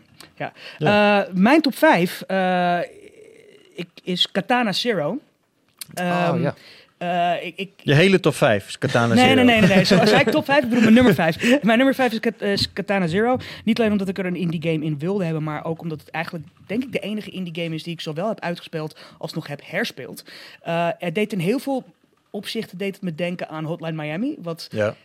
een van de eerste indie games was die Oh, ik wacht. echt... Is, is dat, volgens mij heb ik die ook gezien inderdaad. Je- Hotline Miami is een beetje is top-down. Ja. En dat is die hele oude GTA's. Ja. En dan moet je uh, allemaal kamers uitmoorden, zeg maar. Katana Zero is vergelijkbaar. Het heeft een eh, zeg maar een soort van synthwave-achtige paarse aesthetic. Het oh, heeft, wacht. het, ja, heeft, nu weet ik welke je bedoelt. het heeft een fucked up, dr- druggy verhaal, psychedelic verhaal. Ehm, het gaat om moorden. Je komt niet verder totdat je iedereen in een ruimte hebt uitgemoord. Eh, het grote verschil met Katana Zero ten opzichte van eh Hotline Miami is het perspectief. Het is 2D. Het is een 2D platform, eh, actieplatformer met een katana. Vandaar ook de naam eh, Katana Ja. Zero. Maar wat heel vet is, is hoe het levenssysteem verwerkt is in het verhaal. Als je in een kamer komt, dan moet je iedereen uitmoorden. Maar one hit is one kill ook voor jou. Dus als jij wordt geraakt, één keer ben je ook dood. En dan moet je opnieuw beginnen. Als je uiteindelijk die kamer eindelijk uitgemoord hebt, dan zegt de speler: Ah, oké, dus zo ga ik het doen. Oftewel, elke keer dat je gefaald hebt en dood bent gegaan, is het niet echt gebeurd. Het speelde zich af in zijn hoofd. Oh, oké. Hij heeft het in zijn hoofd geoefend, hoe hij dat voor zich zag. Ja. En als je dan het level gehaald hebt, dan zie je dan in een soort van filmpje hoe je het in één keer goed doet. Ja, heel Ehm, vet. En dat Dat is, is ik, ik vind het een hele vette twist van hoe gaan we levens verwerken in een verhaal. Eh, maar los daarvan ook gewoon de actie is super snel en vloeiend. Precies wat ik wilde van, van een, een Hotline Miami opvolger, maar dan, ja, maar dan met een katana. Het is, het is geweldig. Eh, mijn nummer vier, moet ik eigenlijk ook even spieken. Ik moet Astral Chain. Astral Chain. Ja, eh, ik ben een grote fan van Platinum. Platinum maakt denk ik wel de beste third-person eh hack-and-slash games. Ja, de- al een generatie of twee, drie. Maar ik vind dat ze de afgelopen tijd hadden ze, deden ze het iets minder goed. Weet je, ze hadden hits als eh Nier Aut- Automata, maar ze hadden ook die, die Turtles games en eh, een paar andere snel uitgekakte zooi die gewoon niet zo goed was. Die wel van die typische Platinum shit deed, zoals weet je, slow motion, wanneer je op het juiste moment dodged en zo. Maar ehm, toen kwamen ze uit met... eh, met Astral Chain. En dat vond ik heel fijn, want ik had nog een beetje pijn in mijn hart vanwege het feit dat Scalebound voor de Xbox One gecanceld Oh, was. ja, Ja. Wat eigenlijk de Platinum game was waar ik, waar ik op zat te wachten. Van Kamiya hemzelf. Maar Astral Chain was ook compleet up my alley. Ik ben een groot fan van, van Cyberpunk, dat sfeertje. En Ja. dus eh, esthetisch was die game al heel erg ook eh, mijn vibe. Ze hebben er niet heel veel mee gedaan. eh, want echte Cyberpunk is altijd wat, wat, wat dystopischer, wat duisterder. Maar gewoon hoe het eruit zag was heel dope. Heel anime. Heel anime. Ja. Ik vind dat prima. Heel veel mensen haten het. Ik vind het, ik vind het wel prima. Ja, ik vond het wel leuk. Ehm, en het, het is gewoon weer typische Platinum Games actie, maar dan weer met, een, weer met een andere twist. Je had bijvoorbeeld ook voor de Wii U had je The Wonderful 101, wat Platinum Games Bayonetta actie was, maar dan met heel veel kleine mannetjes. Ja. Dit is Bayonetta actie met twee poppetjes tegelijk, waar een ketting tussen zit en waar je heel veel toffe shit mee kunt doen. Eh, je kan eh, vijanden met die ketting vangen en dan terugduwen. Je kan ze met die ketting vastmaken en stunnen. Je kunt eh, controle nemen over één mannetje en de andere automatisch laten vechten. Je kan, je kan heel veel dingen mee doen. En dat was, het, dat was gewoon zo vet. Het was precies wat ik wilde van een Platinum Games game. eh, maar dan weer met een andere draai. Dus eh, weet je, ze mogen dit voor mij gewoon altijd blijven doen. Ze, gewoon altijd die Bayonetta-formule, maar dan met een andere gimmick. Ja. Ik vind het prima. Dat is, daar ben ik gewoon blij mee. Mijn nummer drie. Dat, dat zie jij natuurlijk al. Ja, dat is Code Vein. Code Vein, ja, nog een game die super anime was. Ik had in eerste instantie niet veel verwacht van Code Vein, want alles, letterlijk alles, behalve het, het visuele stijltje, is gejat van Dark Souls. Alles. Eh, hoe het speelt, een beetje hoe het level design is, is opgedeeld. Eh, alles wat je vet vindt of kunt herinneren aan Dark Souls zit in eh Code Vein. Het belangrijkste verschil met Code Vein is echter dat je wanneer je maar wilt, kunt wisselen van, van speelstijl. Complete speelstijl. Dus ik speelde meestal echt met grote, grote wapens, weet je, met of een hamer of een double, double-handed sword. Maar ik kon ook, door gewoon mijn bloodcode even te wisselen, kon ik opeens als een snelle archer spelen. Of als een magier. Of, Oké. eh, of, of als Dat een je een healer. soort van reroll doet van Exact. je... ja. In de meeste Dark Souls games of Souls clones moet je een personage uitbouwen. Je moet statistieken levelen Ja. en je zit vast daaraan totdat je hem, weet je, en als je het wil veranderen kost dat heel veel tijd en resources. Nu, in Code Vein kon je dat elk moment doen. Ik heb er niet heel veel gebruik van gemaakt. Nee, ik zou net zeggen, want dat is uiteindelijk ook alweer tricky. Want je bent gewend aan een bepaalde stijl. Je gaat er helemaal op in en je Klopt, wordt daar beter in. maar het feit dat het zo makkelijk kon, heeft er wel voor gezorgd dat zeker in de tweede helft van de game ik wel wat vaker begon te wisselen. En toen merkte ik ook echt van, wow, al deze space-stijlen hebben ook echt, ja, eh, hebben bestaansrecht. Eh, ik, ik heb de game, denk ik, drie keer uit moeten spelen om de platinum te halen. Oh, zo. Ehm, en daarvan heb ik anderhalf keer een beetje gewoon gespeeld als, zoals ik altijd speel. Gewoon puur offensive based. Maar die laatste anderhalf keer, zeker ook online, je, moet, er zitten een paar online trophies in die je moet doen. eh, heb ik zoveel geëxperimenteerd met al die verschillende bloodcodes en wapensets. Dat ik echt zoiets had van wow, dat, dat, dat zou ik in een Souls, games nooit, eh, Souls Nee. game nooit gedaan hebben. Dus dat vond ik wel heel erg dope. Het is, niet, het is lang niet zo goed als mijn nummer 1, wat ook een Souls-achtige game is. Of eh, de games van Miyazaki. Maar het is een hele goede wannabe. Het is denk ik de beste wannabe sinds de eerste Nio. Ja, dan je nummer twee. En laat ik Ja. daar iets over zeggen. Want Ja, ehm, ik was even aan het kijken van... Oh, wat heeft Samuel Sek- Sekiro eigenlijk gegeven? En, Ja, eh, ik, ik, wil- ik wilde het daarover hebben. Ik denk, ik denk dat ik weet wat je wil zeggen. Eh, Devil May Cry 5, mijn die, nummer kwam, 2, die kwam eerder uit. Die, Die kwam, heb je al eh, die kwam in maart die uit. heeft een Gold Award gekregen van mij. Ja, En mijn nummer 1 niet. Ja, dus eh, ik denk dat dat is wat je wilde zeggen. Dat klopt. Ehm, dat ligt niet aan Devil May Cry 5. De Gold Award die ik Devil May Cry 5 gegeven heb, heeft het 100% verdiend. Ehm, ik, in veel opzichten vind ik het misschien wel toch als compleet pakket de beste game van het jaar. Devil May Cry 5. Heel veel mensen focussen zich op Resident Evil 2 als het Mhm. gaat om een goede Capcom game. Omdat het zo'n geweldige remake was en het zag er zo mooi uit. En Resident Evil heeft in Nederland denk ik net iets meer ehm, ja, merkkracht Ja. dan, dan Devil May Cry. eh, dan Devil May Cry. Maar ik vond Devil May Cry 5 de betere game. Eh, niet alleen omdat het een originele game was, maar ook omdat het eindelijk echt alles deed van wat ik wilde in een Devil May Cry game. De, de beste Devil May Cry game hiervoor is nog steeds Devil May Cry 3. Maar die, de- deze heeft iets meer variatie. De graphics zijn geweldig. Ik had nooit verwacht dat ik fotorealistische graphics ja. vet zou vinden. Die in een- fotomode is ook zo. Ja, ik heb allemaal wallpapers ja, je mijn zoveel PC toffe gemaakt. shit doen, jongen. Ehm, eh, maar ook gewoon kleine dingen, zoals wanneer je met, met eh, Dante Royal Guard mode hebt, dat, dat je zeg maar kunt parryen. Ja, ja, ja. De, de kleine soort van arrogante glimlach die hij dan in zijn bek heeft, als hij zo heel nonchalant psh, psh, aan het parryen is. Dat is zo, het, het is zo vet. Die, die, die fotorealistische graphics, die, die, die, die doen echt iets met hoe die game voelt, Ja. weet je? En elk pers eh, al die drie de personages, V, Nero en Dante, hebben een volledig eigen speelstijl, volledig eigen uiterlijk. Ehm, Het, het, het is de, de meest... Is dat nog een woord? Swag in, in 2019? het is de meest swaggy game die ik echt... It's on the in- edge, man. het is, ik, ik ben oud. Ik ben- Oké, boomer. Het is, de, het, is, het is de meest swaggy game die ik, die ik echt heel, in hele lange tijd gespeeld heb. Ehm, dus vandaar dat hij sowieso in mijn top 3... Ja, maar jij hebt hem ook dat? gespeeld, toch, eh Jacco? Ja, ik vond hem ook heel vet, maar ik vond niet eh, ieder personage even fijn spelen. Ik vond V, oh nee, 4 is Eh, wel kutst. Ja. ja toch, die, Ja. eh, daar, wa- dat was ook de enige waar ik eh, altijd een S-rank had, of hoger. Omdat ja, je kon gewoon die knoppen spammen. Ja, hij hij spammen, bestuurt ja. zeg maar die beesten. Ja. Je had die panter en die eh De kraai en Ja. een, een soort van grote golem die je kan Oh ja, en eh, die stuur je dan op je vijanden af en zelf ja, blijf je een beetje achter en gebeurt, ja, doe je verder Hij is eigenlijk ook wel het minst belangrijk, want wie is, hij heeft voornamelijk een verhaalrol. Daar kom je op een gegeven moment achter. Klopt, Maar, die zag eh, ik wel heel erg Ja, aankomen. het, het, het, is, het verhaal is, eh, het is zo uit de duim gezogen.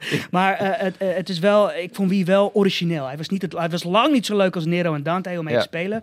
Maar het was wel een spelstijl die we nog niet eerder hadden gezien Ja. in een Devil May Cry game. Misschien met recht, omdat het dus waarschijnlijk boring is. Ja, ja, nee, Maar, ze- maar ze hadden het, ze hadden het, goed, ehm, ze hadden het goed verdeeld. Hij kwam ook het minst vaak aan bod. Ja. Elk level werd, moest je in het begin een beetje, werd je gedwongen met een bepaald personage spelen. Ja. Maar wie kwam niet super vaak terug. En je mocht kiezen op een gegeven moment. Ja, je dan was het V of Nero, ja, dan Ja. kies je voor Nero. Ja, exact. Maar, maar hij staat niet in jouw top 5. Nee. Is, dat, dat is gewoon vanwege... Ja. Je hebt ook een beetje een andere spe- eh, speels, eh, spelsmaak, eh, als ik het zo Nou, weet ik vond, maar- ik vond Astral Chain ook heel vet. Eh, maar ja, wat ik vooral heb met dit jaar, daar zullen we het zo nog over hebben. Er zijn heel veel goede games. Eh, en eigenlijk verandert mijn top 5 een beetje met de dag. Eh, oh, dat, dat, dat gevoel ken ik heel goed. Ja. eh, en eh, Devil May Cry nog, 5 Dat is bewijzen voor jou, Sam. Zo. Eh, Devil May Cry 5 had er ook best wel in kunnen staan. Eh, maar goed, ja, toch weer een beetje uit het oog verloren, omdat hij best wel vroeg in het jaar uitkwam. Ja. En, Ik eh, denk ook dat als het gaat, zeker om die twee Capcom games dit jaar, als je gewoon een game wilt spelen die een hele toffe reis aanbiedt en waar je gewoon een keer doorheen kan knallen en dan een toffe ervaring aan overhoudt, Ja. is Resident Evil 2 beter. Ja. Re- Devil May Cry 5 is een game die je voornamelijk moet spelen als je er ook echt goed in wil worden. Ja, Als je op een gegeven moment echt zo goed wil worden dat je met Dante letterlijk tijdens een combo drie keer van wapen wisselt om dan iets heel vets te doen. Ja. Weet je? Dan, dan, is, dan hou je veel meer uit Devil May Cry 5, maar het hangt er vanaf met wat je wilt. Bij mij hebben die games altijd een beetje dat gevoel van... ik heb vijf koffie achter elkaar opgedronken en eh, ik ga een game spelen. Het houdt niet op. Ik, Ja. ik, word, ik word er helemaal over, Ja. eh, Ja, overprikkeld van. Ja. Maar, da- ik. da- maar daarom zeg ik, het, het, is, het gaat niet om het verhaal. Het is niet, een, het is niet iets waar je echt van kunt genieten als omdat het jou meeneemt. Jij moet het meenemen. Weet je, jij moet, jij moet, al- er komt van alles op je af en het is aan jou om daar iets stofs mee te doen. En, als, en dat ik kan heel erg overweldigend zijn. Ik vind dat vet. Ik, ik- maar ja, ik speel ook Dynasty Warriors, weet je. Dat is ook, dat is Ja. ook eh, een grote teringband als het ware. je, je, je moet ervan houden. Wil je, wil je escapisme of wil je, ja, wil je een soort van digitale vechtsport doen? Ja. Dat hangt van je, van je persoonlijkheid af ook. Over eh, vechtsport gesproken. Ja, Jouw nummer 1. mijn nummer 1. Sekiro Shadows Die Twice. Ik, terwijl ik de review schreef, dacht ik nog van ga ik dezelfde fout maken als met Bloodborne. Met Bloodborne maakte ik de fout dat ik zei, ik vind hem heel vet, maar toch niet zo vet als een Dark Souls, want er is minder wapenvariatie. Ik had een soortgelijk, en uiteindelijk kwam ik erop terug, want Bloodborne is misschien wel een van de beste games, misschien wel de beste game op de PlayStation 4. Ehm, ik heb hetzelfde probleem gedaan met Sekiro. Ik vond Sekiro geweldig, maar eh, eh, uiteindelijk zei ik in de review... Geweldig, perfect. Ik weet niet wat de fout aan is. Ik vind het alleen jammer dat je de hele game met een katana speelt. En al die kleine subwapens gebruik je af en toe. Maar eh, het is vet. En hierdoor gaat het echt niet mijn worden Eh, het- ten opzichte gaat van het, Devil May hierdoor gaat het niet mijn goatee worden, want we- ik, ik, ik, zie mezelf, ik, ik zie mezelf dit niet vijf keer eh, uitspelen. Nou ja, bijna dus wel. Ik, ik, ik denk bijna misschien wel maandelijks. Als iemand, als iemand het over Sekiro heeft, denk ik van, ah, ik, wil hem, ik, ah, ik wil hem eigenlijk weer oppakken. Oh. Dat is ook waarom de laatste keer dat ik hier was, heb ik even Sekiro aan stream gespeeld. Hier. Ja. Ja. Eh, en dat was totaal geen straf. Ik vond het wel vet om even te laten zien van ja, het zit nog in mijn vingers. Weet je, laten we even door een paar bazen heen knallen. Het is zo een vetloze, gestroomlijnde, naadloze fucking action adventure. De, hoe de wereld in elkaar zit, hoe, hoe, hoe, hoe de bossfights in elkaar zitten. Eh, halverwege de game moet je tegen ehm, een beetje je rivaal spelen, Genichiro. Die heeft drie fases. Ehm, en dat is echt de, toets van de game. De, de- daarmee toetst de game van, heb Ja. je de combat onder de knie, kun je goed parryen, et cetera, et cetera. En it- it- ik kan me even niet bedenken welke bossfight van de afgelopen tien jaar, welke ik eleganter en soort van beter geregisseerd vind dan die. Gewoon hoe het, hoe, hoe op de maat je met elkaar clasht, hoe die beweegt, hoe het je de kans geeft om hele toffe shit te doen. Ehm, die, die fight in die toren halverwege de game, dat is, een, een tijdloos stukje gaming wat, wat ik niet snel overtroffen zie worden. Ehm, en het, het, ja, er, is gewoon, er, er is gewoon niks te veel of fout aan Sekiro. Het is echt... mm, het is een wasbordje, het is een sixpack. Weet je, het is, het is geweldig. Het is, Heb je er spijt van dat je hem geen Golden Award ik, hebt heb, gegeven? ik heb er zeker spijt van dat ik geen Gold Award heb gegeven. Ik weet niet Wat is of... het geworden? Een 88? 88, ja. Ehm, Dat is fun. ja, ik, cijfers. ik vind cijfers geven sowieso het kutste deel van de review. Ja. Ja, ik Ja, ook. Ja, het is eh, like, je, je, je hebt zo'n je hebt 30, 40 uur in een prachtig kunstwerk gestopt. En dat moet je dan even gaan samenvatten met twee cijfertjes. Like, what the fuck, ouwe? Ehm, maar ja, eh, vergeef me voor het gebrek aan een Gold Award, want die, die verdient deze game zeker. Ik, ik was dan ook heel erg eh, plezant verbaasd dat het zeg maar de Game of the Year was bij de, ga- de Ja. Game Awards. Inderdaad. Ja. Eh, ik had niet verwacht dat ze toch wel zo'n niche game eh, die eer zou krijgen, maar ik vind dat het, dat het helemaal verdiend was. Ja. Is het de, de meest toegankelijke Souls game? Want ik, ik heb behalve de Surge 2 eh, geen Souls games gespeeld. En ik, ik twijfel om het een keer te gaan proberen. Nee, de meest toegankelijke Souls game is eh, Star Wars Jedi Fallen Order. Ja, die heb ik ook gespeeld. Maar ehm, echt, echt een echte Souls clone? Nee, Sekiro zeker niet. Omdat het zo gericht is op één specifieke speelstijl. Oké. Ik denk dat de meest toegankelijke Souls game is Dark Souls 2, denk ik. Dark Souls 2, oké. Dark Souls 2. Daar heb je dingen zoals dat je, bijvo- je, hebt bijvoorbeeld in Dark Souls maar een gelimiteerde hoeveelheid healing items altijd. Maar in Dark Souls 2 kan je altijd een paar extra bij kopen. Dat soort kleine dingen. Maar ja, goed. ehm, Sekiro is denk ik wel echt voor de persoon die weet wat er vet is aan Souls games. En Ja. die dat nog soort van gestroomlijnder wil ervaren. En eh, ja, ik zie mezelf dit echt nog een keer spelen komend jaar ook wel. ja. Vet. Doe ik met Bloodborne ook nog wel eens. Maar... Nou, dit was, eh, dit was in elk geval het, eh, het- jullie die gamesmaak hoekje eigenlijk. Want jullie zijn eigenlijk de Ja. enige twee die daar een beetje van houden. We gaan het eh, even hebben over eh, de E3. En even kijken. Martin. Martin. Martin. Martin. Dus als jij je koptelefoon Ja. aan Martin kan geven, dan zien we je zo terug. Tot zo, jongens. Hallo je? Martin. Oh, je hebt een pu. Martin heeft altijd een... Ah, het is de nieuwe pu. Ja, is vers. Dat Het is Goku. Vet. momentje. Daar is die. Nou ja, we hebben mensen, terwijl ze, als ze dit aan kijken eh, zijn, zien ze, hebben ze misschien zelf thuis al. Maar deze was blijkbaar al, blijkbaar al binnen, maar ik had hem nog niet gezien. Soms verstoppen ze hem gewoon voor ons. Dragon Ball Z. Yes. Kakarot. Kakarottel. Noem je het eh, zo? Kakarot? Kakarot. Kakarot? Ja, Kakarot in het Engels. Ja. Kakarot. Kakarot. Koffietje hoor. Ja. Hey jongens. Hoi. Het is juni in 2019 als de E3 begint. En eh Jacco die zei... Man, ik vond het een beetje teleurstellend hoeveel partijen er op, eh, op de E3 waren. Ja, dus eh, Sony was er niet. Eh, Microsoft was er niet. Alleen eh, Nintendo was er. Ja. Van de grote drie. Nou, dat is eh, E3 2019 voor je. ja. 2020 was- wordt het misschien nog wel minder. Het was sowieso wel een, een, nou, wat een ongebruikelijk jaar. Ook Ja. zeker omdat het een soort van in het midden van eh, generaties zit. Eh, Ja. Iedereen die is eigenlijk een beetje de plas aan het ophouden. Ehm, wat verwachten we voor volgend jaar? Want ehm, jij zei van misschien met die komst van die nieuwe generatie consoles... komt er wel, wel weer een nieuwe eh, epische E3 aan. Wat denk Ja. jij, Martin? Eh, wordt een lastige, denk ik. Ik denk dat iedereen even elkaar. Ik denk dat er veel gaat gebeuren rond de week van E3. Maar dat ze heel veel eigen dingetjes gaan doen. Eh, Sony en Microsoft doen het natuurlijk al. EA is dat al een tijdje aan het doen. Eh, eh, E3 heeft door laten sijpelen dat het meer een influencer feestje wordt. Meer Ja. een belevingsdingetje. ja. Dus op de beurs ehm, er zal meer eh, gaan om eh, de spectaculaire stand zullen er ongetwijfeld staan. eh, zullen er ongetwijfeld staan, maar of wij er ook nog zullen zijn, eh, weet ik niet. Nee, Ja, het, het- dat is bij- een bommetje. Nou ja, het is, het is aan het veranderen. Eh, al- alles en iedereen is aan het veranderen. Eh, het medialandschap is aan het veranderen. Wij zijn aan het veranderen. Eh, wij kunnen bijvoorbeeld de persconferenties, we hoeven helemaal niet meer daarvoor aanwezig zijn. We kunnen Nee. hier gewoon zitten in Haarlem. Trekken even een nachtje door en we hebben alles meegemaakt. We doen het live op stream samen met jullie. Je kan gewoon live meekijken. Dus ja, ik, ik vind het super tof om daar te zijn. Maar moet het nog echt? Ja, voor die paar games die je daar nog kan spelen. Ja. Maar daar hoeven we niet meer met z'n tienen naartoe. Maar als ik even terugga naar de, eh, de vorige keer dat er een nieuwe generatie consoles aan zat te komen. Ja. Dat was eh, de PlayStation 4 en de Xbox One. 2013 of zo was dat? Ja. E3? Zoiets. Volgens Denk mij waren ze toen voor Ja. het eerst En getoond. toen stonden ze daadwerkelijk op de beursvloer ook recht tegenover Tegenover elkaar. elkaar, ja. Het, was, het was denk ik voor mij de, de, de tofste E3 waar Ja. ik ben geweest. Denk je niet dat dat weer zou zijn? Dat ze beide een beetje bang zullen zijn dat de andere toch wel even wat beter aanpakt? Ik denk het niet, man. Ze trekken helemaal een eigen plan.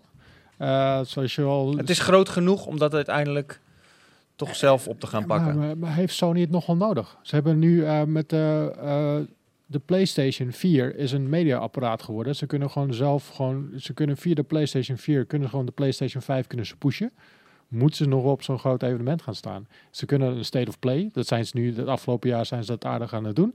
Eh, moeten ze nog wel zo'n hele hal afhuren om daar een grote persconferentie te geven, Ah, zoals we die hebben gezien met God of War en eh, met eh, Days Gone. Weet je, hoe moet dat nog wel? Ja, het maakt indruk, maar je maakt misschien met veel minder geld veel meer impact via hun, eh, hun eigen kanalen. Dus ik Ja. weet echt niet wat ze gaan doen. Ehm, ik denk dat het, eh, het, het, het wordt een interessant jaar, want er komen nieuwe consoles. Maar E3, ik weet niet of ze het daar allemaal op gaan doen. Ik denk het niet. Hmm. Ja, ik vind het lastig. Ik, ik, ik hoop dat ze het wel gaan doen. Dat het is wel... Ja, tuurlijk. hè, Weet je, voor ons is het hartstikke leuk om daar naartoe te gaan. En, eh, Ja, precies. Je leeft in zo'n week, is gewoon de hele week in juni staat in, de, in, de, in het teken van gamen. Eh, LA staat elk jaar op zijn kop. En ja, weet je, ik wil niks anders. Maar of het gaat gebeuren, ik, eh, ik weet Nee. het niet, man. Ja, nee, ik, ik, zou, ja, ik zou het tof vinden als ze het doen, maar ik begrijp ook wel dat ze, ze willen gewoon hun, hun eigen moment een beetje pakken. Ja. Ehm, jullie gaan het zo over de Series X hebben, maar die aankondiging vond ik bijvoorbeeld eh, niet zo goed, omdat eh, dat was heel even, weet je, het was op een ander evenement dan een Microsoft Maar ze hebben een persconferentie. hele andere strategie, hè? Want ze hebben al in juni hebben ze al bekendgemaakt van wat er in het beestje gaat zitten. Dat hebben Ja. ze ook via, eh, via een techplatform hebben ze dat gedaan. Ja, Wired of zo. Ja.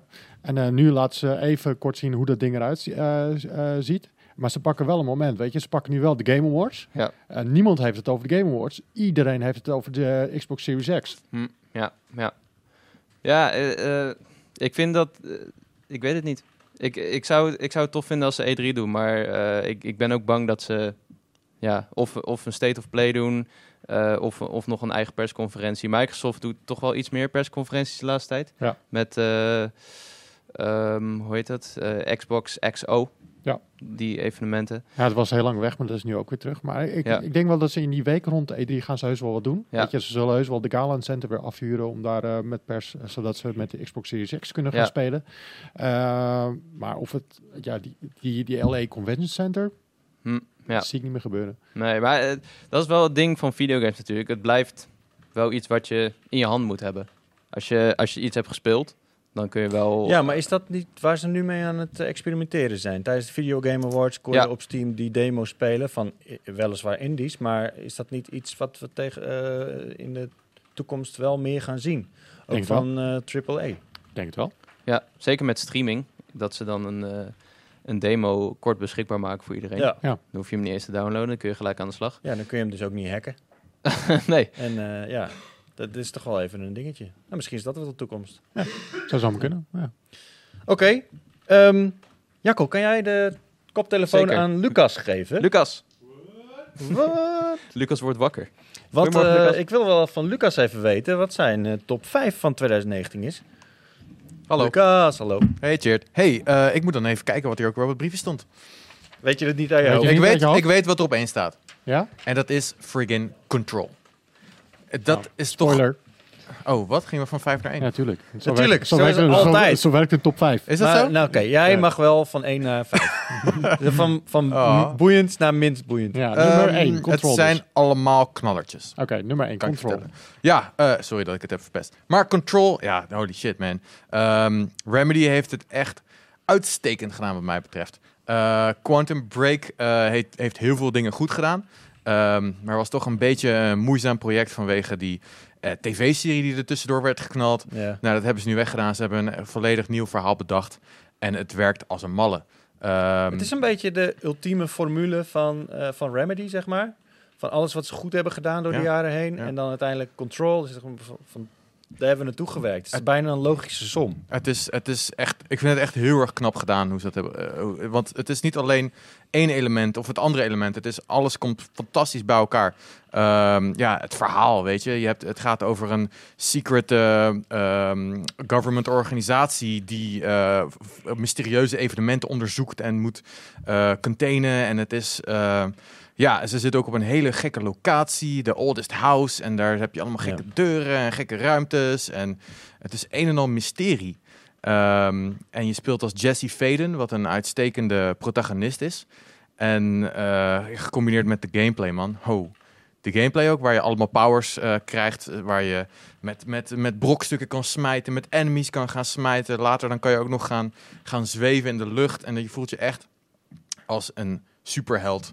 Ja, Eh, maar het voelt een soort van meer natuurlijk dan dat je... Soort, ja, het is meer logisch of zo. Ja, ik snap wat je bedoelt, man. Het is echt, je hebt een, een soort van... Pa, pa, pa, pa, pa, pa. Dat Ja. gevoel dat je soort van in dat ritme zit. Ja. En dat is wel echt heel fijn in deze game. Het is toch best een pittige game hier en daar. Ik ben af en toe wel een beetje dood Ja, gegaan. nou, ja. Ehm, maar eh, ja, toch elke keer als je er dan toch doorheen komt, dacht je, oké, ik snap, ik snap nu de mechanics iets beter. eh, en ik ben zelf beter geworden in die game. En daardoor ben ik nu verder gekomen. Ik heb het idee dat heel veel mensen deze game hebben gemist. Gewoon omdat ze niet Ja. van het bestaan afweten van. Control. Ja, ik denk dat het echt, eh, echt jammer is. Ehm, maar ik denk dat hij nog wel een plekje gaat krijgen in de spotlight. Er Ik- komt ik denk ook dat- DLC aan. Ik denk en, dat eh, Quantum Break ook... Voor mij voelde het een beetje oppervlakkig gaan. Ja. Allemaal. En ik denk, en dat gevoel had ik eigenlijk ook direct bij Control. Maar toen ik het speelde, toen dacht ik van ja, dit is wel echt een heel ander beestje. Ik vind hem veel Ja. vetter. En ehm, het, het is ook wel een beetje een typische manier van games maken wat Remedy doet. Je moet er ook wel een beetje, een beetje ehm, ehm, toegankelijk, voor, nee, toegankelijk voor zijn. Nee, dat kan niet, hè? Maar een beetje open voor staan of zo. Ja. Fans van het genre. Ja. ja. nee, maar eh, eh, zeker. Control eh, Ja. staat, eh, staat op mij, bij mij op nummer 5. Hey, Maar eh, cool. zeker een hele toffe Dus game. als de mensen hem nog niet hebben gecheckt, check hem even. Ja, moet Ik je zeker het gewoon doen. doen. Ik zou het gewoon doen. Dan eh, op nummer 2. Ja, gaan we naar nummer twee. Ja? Eh, nou, dat is eh, wat mij betreft echt Untitled Goose Game. Eh, de, die game laat zien dat je helemaal niet eh, een AAA-studio nodig hebt met enorm veel gameplay-elementen, met een bombastisch verhaal, dit en dat. Je kan gewoon een leuke, charmante, kleine game maken die enorm veel impact heeft. En eh, ik heb hem met enorm veel plezier gespeeld. Ik heb hem echt een uurtje of eh, binnen binnen twee uur heb je hem uitgespeeld. Eh, en dan kan je daarna nog wat andere dingen gaan doen, maar daar was ik eerlijk gezegd zelf klaar mee. En dat vond ik ook helemaal prima. Ehm, maar ja, dat is gewoon echt zo netjes verpakt. een lekker eh, snackje. Een heerlijke snackie. En eh, ja, ik kreeg gewoon echt, bij het einde kreeg ik echt zo'n enorme glimlach. En Ja. ook, en ook wat, ik vind het ook superleuk wat voor impact het heeft gemaakt op gewoon gaming. De- op de mimerijen. De mimerijen. En eh, ik vind het mooi dat er zoveel waardering kan zijn voor zoiets subtiels. Ja, dan nog iets subtiels. Ook een indie game. Nummer, nummer 3 voor jou. Nummer drie. Oh ja, The Tourist. Hm. Oh, ja, nou, dat, eh, Ja, again. we hebben het al, eh, we, hebben, we hebben er wel eens eerder over gehoord, The Ja. Tourist. ja, Echt een game die heel weinig mensen hebben gezien, denk ik. Ja, ja, het is dat ik hem toevallig in die indie-presentatie van Nintendo tegenkwam tijdens, tijdens de Gamescom. En toen de dag daarna konden we hem gelijk spelen op de booth bij, bij Nintendo. En het is me gewoon sindsdien gewoon echt bijgebleven. Soms heb je gewoon dat er een, game komt waarvan je denkt, oh, die is echt voor mij gemaakt. Eh, en dat, je gewoon, dat het gewoon helemaal klikt.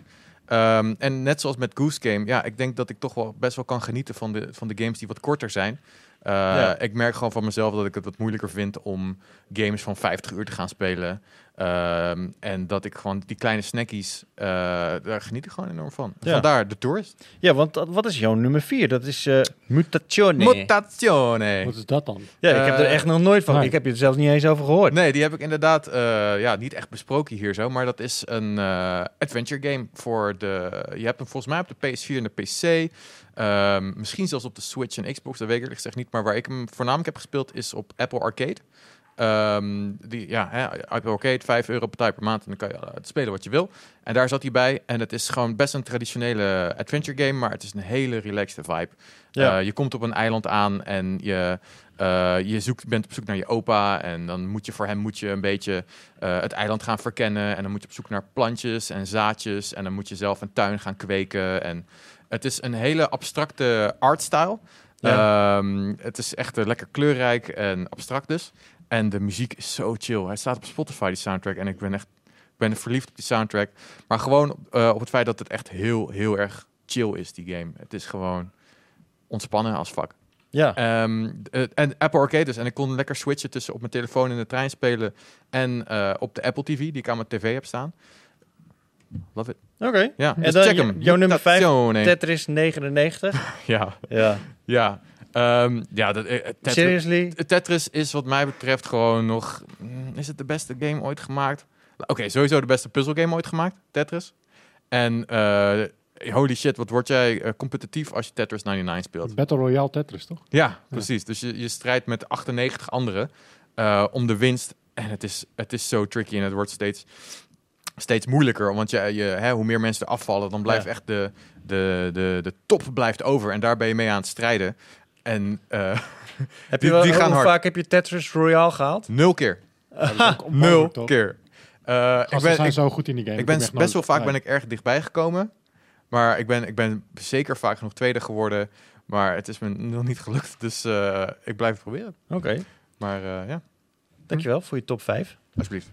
Want ehm, we zitten nu in de tijdlijn van deze eh Powerpraat op eh 9 oktober ongeveer. Oh, mooie tijd. Oh. Dat is de dag nadat de PlayStation 5 release date werd aangekondigd. Oftewel, hij komt Holiday 2020. Ja. Het subscriberfeestje was 9 oktober. En eh, we gaan het heel even kort hebben over ons Twitch-kanaal. Want Ja. Ehm, e- echt, dat is misschien wel een van de leukste dingen die we dit jaar hebben aangepakt als, eh, als team. Om gewoon, we hadden natuurlijk al heel erg lang een Twitch-kanaal. We, we hebben al heel erg lang gelivestreamd, zelfs nog voordat het Twitch werd en Justin TV was. Ehm, maar we vanaf dit jaar hebben we ge- ge- bedacht van, jongens, laten we eens even met, eh, met z'n allen drie keer per week vast gaan streamen. En dat, Ja. eh, dat, dat is gelukt, verrassend genoeg. Ja. Want dat, dat is nog wel eens even een dingetje geweest. En, en het eh, is verrassend leuk geworden, denk ik. Ook met onze community. Ja, zeker. Eh, we, hebben, we zijn in februari zijn we een beetje begonnen, denk ik. Ja. Met eh, drie keer in de week, eh, maandag, woensdag, vrijdag. Van Eind tot januari volgens mij. Ja. Zoiets, ja. En nou, het ging eigenlijk best wel snel goed. We waren rap aan het groeien. En we hebben eigenlijk een soort van ja, vriendengroep verzameld daar bij ons eh, op uh, twitch.tv slash Power. En eh, we zien eh, elke keer als we live zijn, zien we de, onze vaste kliek. En eh, er komen steeds nieuwe mensen bij. En die worden allemaal met open armen ontvangen. En eh, eh, als je één stream kijkt, dan, ja, dan zit je er eigenlijk in. En kom je het later niet meer los. En eh, voor onze ja, meest vaste kijkers en vrienden hebben we een, eh, een avondje georganiseerd hier. ook. En dat was uh, rete gezellig. En eh, ja, een redactie vol met mensen die lekker aan het gamen waren. Een pizzetje aan het eten, pilsje aan het drinken en vooral veel lachen. Ik kreeg er echt zo'n warm gevoel van. Ja, toch? Sowieso als ik in een stream zit en mensen zitten lekker mee te chatten, en dat is bijna altijd, ehm, dan, dan is dat gewoon zo gezellig. Eh, hoe ze met elkaar omgaan ook. Hè. Ze zijn echt, Ja. Ik heb het idee dat ze vrienden met elkaar aan het worden zijn, of Ja. zijn. Eh, dat zie je niet alleen in de Twitch-chat, maar ook op Twitter en op andere plekken zie je dat voorbij komen. Ehm, maar ja, ik heb het idee dat, echt, dat iedereen echt zo lief is. ja, En dat zie je dan, dan, en dan kom je ze in het echt tegen. En dan blijkt het ook echt toffe, coole, lieve mensen in het echt te zijn. Ja. Nou, dat, dat is toch iets fantastisch? Ja, positieve vibe. Ja, ik, ik, ik, ik ben er echt super blij mee. Maar ook op ons YouTube-kanaal ben ik ook altijd heel blij met, eh, met de positiviteit die we krijgen. Dus eh, ik denk dat over het algemeen 2019 wel echt een eh, goed community-jaar was. Ja, zeker weten. En eh de tweede, 2020 wordt denk ik alleen nog maar mooier, want eh, we gaan bouwen. Dus eh wordt, wordt alleen Hebben we nog iets speciaals in de pijplijn? Nee, Ja. toch? Was wel? in 2020. Ja? In de pijplijn. Ja? Nee, ik zit even te denken. Eh, nou, ik denk het wel, toch? Zoveel speciale dingen. Komen Ho, wel, komen, ho. komen wel leuke dingetjes zijn, ja. Ja, stay tuned. Mag ik Dus- nog één ding eh, over onze community zeggen? Nee. Eh, Ja. Oh, oké. Laten we doorgaan. Nee, zeg. Nee, zeg. nou ja, als voorbeeld vind ik het. Ik ging trouwen en wat was daar? Ik kreeg een cadeautje van de community. Een ballon met de hondkont erop. Dat is toch even het ultieme voorbeeld van hoe deze mensen ons leren kennen en wij hen leren kennen. Holy shit, ja, je en bent gaan trouwen in meeleven. 2019? Ja, dit jaar? Ja, ja. in de zomer. Weet er niks meer van. Martin. Ja, daar kunnen we een hele podcast over vullen. Over de avonturen van Martin.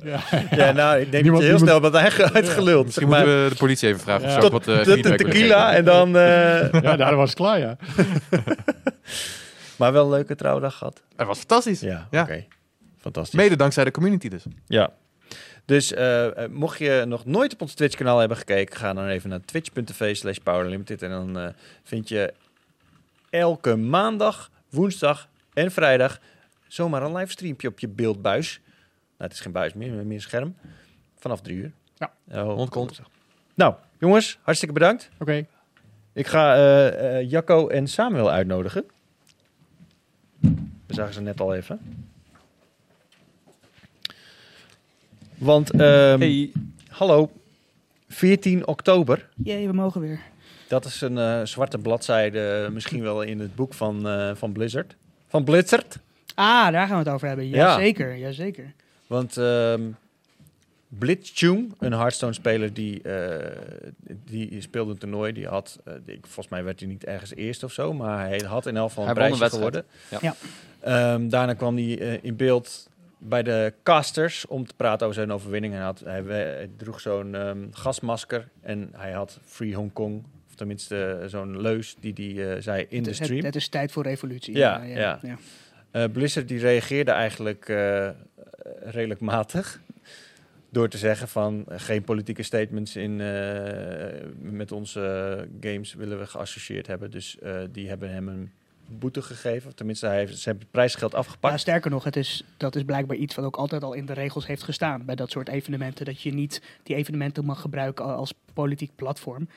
Maar ja, goed. Tussen, Ja. eh, eh, tijdens een, een, een overwinningsspeech even één keer iets roepen is, Ja. is niet echt iets gebruiken als politiek platform. Nou ja, Ja. Weet je, ik bedoel, de, de, de straf die hij kreeg, dat zijn prijsgeld werd afgenomen. En hij mocht een jaar niet En meedoen. dat hij een jaar niet mocht meedoen, dat, dat was in ieder geval echt eh, absurd streng. Het, het, het was Ja. een, een maatregel die Blizzard eigenlijk alleen maar gebruikte voor, voor mensen die bijvoorbeeld hadden vals gespeeld. Weet Ja. je? Ehm, Ja, zwaar, zwaar overtrokken. Ze, ze hebben later nog een soort van excuus gemaakt wat, eh, op eh BlizzCon. Wat, eh, waar ook heel veel protesten waren. met nadruk op soort van. Ja, nee, het, Ja. was, het was echt Ze hebben heel zijn slap. geld toen teruggegeven. De en toen hebben volgens mij. Ja, Of toch? Of, volgens mij de, he- helemaal. nee, maar de- ze hebben de helft de van zijn ban ban. hebben, Ja, ze, hebben ze gehalveerd. En Ja. eh, die, eh, ze hadden ook nog die commentatoren ontslagen die onder de tafel doken. dat was het ergste. Die Maar- hadden niet eens wat gedaan. Nee, nee. Ja, het is echt stom. Ja, maar Ja. ik snap ook niet waarom je daar onder de tafel gaat zitten in- plaats van gewoon weglopen. Het, het, was, wel- het was wel een mooi grappig slapstick momentje. Ze gingen echt zo... ja, precies. Ja. Wat de hel, man. eh, eh, ik denk, wereldwijd gezien was het eigenlijk toch wel handig dat het gebeurd is. Omdat het wel het, eh, het gesprek, het vertoog, eh, heeft aangewakkerd onder gamers over wat er aan de hand is met China en Hongkong. eh wat voor rol ehm, Chinese bedrijven daarin spelen. Want Ja. Ja. ik heb daar zelf ook een artikel over geschreven in de, in de fysieke pu over hoe eh, Blizzard banden heeft met Tencent. Tencent is een Ja. gigantisch Chinese conglomeraat die zijn vingers in de pap heeft bij heel veel Chinese tech- of softwarebedrijven. Ehm, niet alleen eh, de Chinezen, want ze hebben onlangs... Is dat niet hetzelfde bedrijf wat ook een eh, aandeel in Bungie heeft gekocht onlangs? Ja, en eh, Oh, eh, Act- Activision volgens mij ook. Call of ja, Duty ze- ze Mobile hebben- was van hebben een Tencent. deel- ze hebben een deel in Activision. Heel Riot Games is van hun. Dus alles wat met League of Legends te maken heeft. En al die games van Riot die er aankomen, zijn echt van Tencent, kan je, Ja. dus kan je dus zeggen. Ehm, daarmee is- is Tencent automatisch ook een van de grootste spelers op, in heel e-sports. Ja. Ja. Ehm, En omdat Tencent ook banden heeft met de Chinese regering en dus de communistische partij, dat is een beetje waar al deze problemen vandaan komen.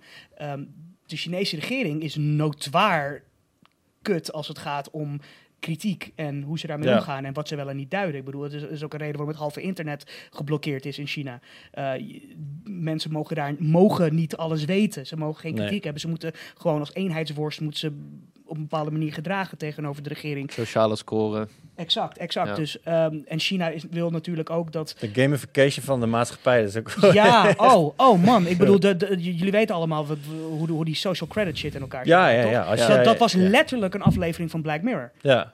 Letterlijk. Ja, en en een nog geen half jaar later werd het ingevoerd. Het was, het was echt wel een beetje eng. Maar ehm, eh, het is. Het, het is goed dat, dat mensen, eh, heel veel gamers we- we- weten niet eens wat er, eh, die weten niet eens wat zich aan die kant van de wereld gebeurt. Die weten niet dat Hongkong soort van onafhankelijk is ten opzichte van, van China. Die, weet, die weten niet eens dat, eh, die, die wisten dat soort dingen allemaal niet. Ja. En die weten dit nu opeens, omdat een game die zij spelen, in een toernooi daarover, is er Ja. heisa. En een Ja. bedrijf doet dan opeens heel, heel fel. Ja, je zou ook zeggen van waarom heeft zo'n speler, wil die nou op zo'n stream een statement maken? Hè? Kijk, dat is, die, die regels zijn natuurlijk niet voor niks. Hè? Voor, voordat je het weet, eh, Wordt- ja, wordt één eh, zooi wordt zeg maar je, je, je toernooi gedomineerd met eh, boodschappen voor katten zonder huis of wat dan ook. Weet je, Klopt, De- de- klopt. je wil dat uiteindelijk wel ergens een keer in de, de, de, in de, in de in de kop indrukken. Maar ehm, uiteindelijk is het natuurlijk wel zo dat ze hebben natuurlijk een heel erg eh, dubbele boodschap, Blizzard. Ja. Aan de ene kant zeggen ze van we willen geen politieke statements. Ja. Vervolgens werd die gast geband en werd eh, Blizzard China, die, eh, die deed meteen een tweet uit van ja, eh, als, ze als ze ons land aanvallen, dan, eh, dan, gaan we, dan, dan doen we er wel wat tegen, Ja. weet je. Ja. Het is echt heel erg onhandig natuurlijk, die tweet. Maar het zegt me wel weer genoeg dat er zit wel echt een politieke laagje achter deze beslissing. Oh, natuurlijk, natuurlijk. Maar wat heel veel mensen ook niet begrijpen. Ik, ik hoor heel vaak van gamers. Ik hou er niet van als. Politiek in mijn, als politiek in Ja. mijn hobby wordt gemengd. Ehm, en dat snap ik. Ik heb dat zelf ook heel lang gezegd. Totdat ik er soort van een beetje over begon na te denken. En besefte van. Dat, iets, alle, dat alles politiek is. Alles is politiek. Politiek betekent alleen maar dat. Dat je op een bepaalde manier naar iets aankijkt. Uh, Ja. s- Een game als Super Mario Brothers is inherent politiek. Want je moet een prinses redden van een van een, an- van een soort van eh tiran, weet je. Dat is een politiek statement over, je, over eh, bijvoorbeeld eh, het, het, het ondersteunen van het koningshuis bijvoorbeeld. Weet Ja. je, dat, het impliceert al dingen die een politieke lading hebben. Ehm, wat gamers meestal bedoelen met ik wil geen politiek in mijn games, is dat ze zeggen van ik wil niet aan echte real-life world dingen denken wanneer ik Ja. aan het gamen ben, want ik game voor mijn plezier. En daar ben ik het helemaal, helemaal mee eens. Het probleem is echter dat dit soort dingen ons laten zien dat de toekomst van onze hobby, van hoe wij games spelen, eh, beïnvloed wordt door real-life politics. En als je wilt dat je gewoon nog de games kunt blijven kopen die je wilt spelen, als je wilt dat je online gewoon de dingen zo kunt zeggen tijdens een multiplayer potje Ja. die je wilt zeggen, dan moet je hier een mening over vormen, denk ik. En moet je hier je ook over mogen uiten. Daarom denk ik dat dit ook wel interessant en belangrijk is voor de mensen die zeggen van ik wil geen politiek in mijn games. Ja. Snap ik, maar het is een beetje onmogelijk. Ja, dat statement is sowieso echt iets wat, wat eh, nou ja, ik wil bijna zeggen te pas en te onpas wordt gebruikt. Want eh Wolfenstein is gewoon jarenlang gewoon dezelfde game geweest. Exact. En, Ja. en vervolgens... Dat eh, is politiek, ja. Jaren geleden, of, of twee jaar geleden of zo, toen gingen gamers in één keer in opstand tegen Wolfenstein, omdat, je, omdat het een, een, een vuist maakte tegen nazi's. Ja, maar ook, ook, maar ook de andere kant, eh, de Division 2. Dat Ubisoft zei, het is geen politieke game. Dus Ja. Division 2 gaat letten, wat, wat de fuck hebben we het Ja, over? daar kan ik Dat dus echt slecht Washington. tegen. Daar ga ik super slecht tegen. Dat, de- die ontwikkelaars die dan zeggen... Ja, nee, we willen ons ver buiten politiek houden. Ook met Call of Duty zeiden ze... de- wie was het? Eh, Game Informer heeft ze recht gevraagd van... Maar eh, je hebt het over Amerika. En er is oorlog. En jullie hebben... en een- er is een fascistisch regime. Ja, en er zijn Eh, Russen. Is dit dan niet politiek? Ja. En dan gaan ze... Ja, Eh, nou eh. ja, het ligt eraan wat je eh, met politiek bedoelt. Ja, de, daar kan ik echt slecht tegen. Weet je. Misschien het meest politiek aan het alles is hoe ze net als politici om de shit heen proberen te lullen. Ja, precies. Nee, da- daarom vond ik Life is Strange 2 ook zo vet. Die, die zeggen gewoon waar het op staat, weet je. Die, die Ja. hebben gewoon een boodschap. Niet, dus de- doe het niet door je strot, maar die is er wel. Ja. En eh, ja, Maar games... d- dat is toch sowieso een beetje met de wat kleinere game studios. Ja, die zijn er gewoon eerlijk over. En, Ja. Maar als je dus te maken hebt met een miljardenbedrijf zoals Exact. Activision, wat dan ook, dan wil Ja. je al zo weinig vuurtjes wil je branden. De Chinese markt is gigantisch. Al- alleen al qua e-sport, ook gewoon op ander gebied. Dus je wilt niet als bedrijf de Chinese regering voor, voor, voor, eh, voor de teen stoot, voor de bek Ja. stoppen. Wat is, wat is het dat spreekwoord? is geen trappen. Ja, ik ben al twintig. tegen jaar. degene trappen op Ja, de en, tenen exact, staan. Exact. Eh, maar ja, het is wel een beetje lafjes. Weet je? je, je bent dan duidelijk aan het laten zien van we wit willen onze halen. financiële opties open houden Ja. en niemand beledigen, want anders raken we misschien een deel van onze mogelijke winst kwijt. En dat is gewoon, het, het- dat is niet de meest eh integere look, weet je? Ja. Oké. Ja. Blizzard dus eh, geen eh goede, goede beurt gemaakt eh, in 2019. Aan de andere kant, de, de BlizzCon was niet lang daarna. En ze kwamen toen met die trailers van Overwatch 2 en voornamelijk Diablo 4. Ja, en man. heel de wereld leek weer even vergeten te zijn dat het Ja. hetzelfde bedrijf was. Want die- voornamelijk Diablo 4. Dus aan de andere kant, weet je, like, mm, uiteindelijk boeit het de meeste mensen toch niet. Maar ik, ik ben in ieder geval blij ook nu dat we het er even over hebben. Dat mensen weer even weten van ja, dit, dit is ook een deel van onze hobby. Dan eh, ook eh, gigantisch veel gezeik over Pokémon Sword and Shield. Want niet alle Pokémon zitten erin. De graphics waren waarschijnlijk, onwaarschijnlijk kut. Eh, Dynamaxing was, eh, was verschrikkelijk. Er was heel veel kritiek. Ja. Ik zeg niet dat het zo was. Ik Ja. zeg alleen wat ik, wat ik las. dat Ja. Ehm, ja, even. Het is allemaal een beetje gekalmeerd. Jij bent ook een groot Pokémon-fan. Zeker. Je hebt ook al die jaren een, een, een, een Pokémon-verzameling op gebouwd. eh, van heb ik jou daar. Ontzettend. Ja. Wat dacht jij toen niet al je Pokémon in eh, Pokémon Sword and Shield bleken te zitten? Laat ik het zo zeggen. Laat ik beginnen door te zeggen van dat ik een beetje in het midden zit als het gaat om, om deze controverse. Ik snap de fans die boos zijn. Ik snap ook de fans die zoiets hebben van... "Ha, jongen, hou je bek. Het is gewoon een hartstikke leuke Pokémon game. Ik zit een beetje in het midden. Maar dat heeft niets te maken... Mijn, mijn minpunten hebben niks te maken met het feit dat niet alle Pokémon erin zit. Ja, dat, Ik- ja mee eens. Maar Ik, ik, vind het jammer. Ik vind het Ja. jammer dat niet iedereen erin zit. Ik vind het jammer dat bijvoorbeeld ook bijna geen enkele st- oude starter erin zit. Behalve Charizard bijvoorbeeld. Dat soort dingen Ja. vind, ik, vind ik een beetje jammer. Maar ik als iemand die Pokémon ook graag competitief speelt, snap het wel. Want de competitieve kant van Pokémon was zo groot en ingewikkeld geworden. Dat soort van deze move die Sword and Shield nu doen, er ook voor zorgen Ja. dat het competitieve gebied weer wat simpeler wordt. Er zijn heel veel moves zijn er niet meer in. Dus het kan nu zijn eigen, weer, ze kan zijn eigen meta ontwikkelen. En dat is gewoon heel erg interessant voor iemand die al zes generaties een, een soortgelijke meta speelt, zeg maar. Ehm, het, het, heeft gewoon, het heeft ook voor, het heeft Het heeft voordelen dat niet alles erin zit. Je kan, je kan andere aspecten van de franchise iets meer laten ademen. Ehm, grafisch, ja, ik vind de game niet super interessant, maar dat is ook voornamelijk stilistisch zo. Het heeft een beetje hetzelfde stijltje Ja. als Sun and Moon. Hoe per het personage zijn getekend, dat was, vond ik sowieso niet de sterkste kant van Pokémon. Ik vond die iets ruwere, soort van oldschool kant van de Gold en Silver games vond ik veel mooier. Maar mijn voornaamste minpunt van Sword and Shield vind ik dat de uiteindelijke ervaring, hoe het voelt om de game te spelen, eh, dat is gewoon toch nog steeds weer echt hetzelfde. Eh, ik had het al met eh, Sun and Moon een beetje van.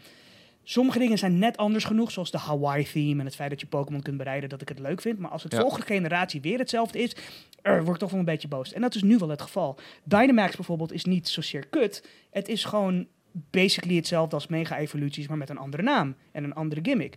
M- mechanically is het hetzelfde. Het is, het, het is gewoon, als je Pokémon speelt sinds Red and Blue, zoals ik, man, like, huh, het is niet alleen hetzelfde, sommige dingen zijn ook een beetje neutered. In de eerste twee generaties had je een rivaal zoals Gary bijvoorbeeld, of, of, eh, of, of Silver. Dat Ja. waren echt arrogante gasten. ja, dat je- waren echt klootzakken. dat waren klootzakken en dat was leuk. Je Ja. wilde tegen ze vechten. Je wilde laten zien dat jouw starter beter was die van hem. Hier is het weer zo'n niet-zeggende gast die je helemaal tof vindt. Hé hey man, ik, ben, ik wil niet zijn.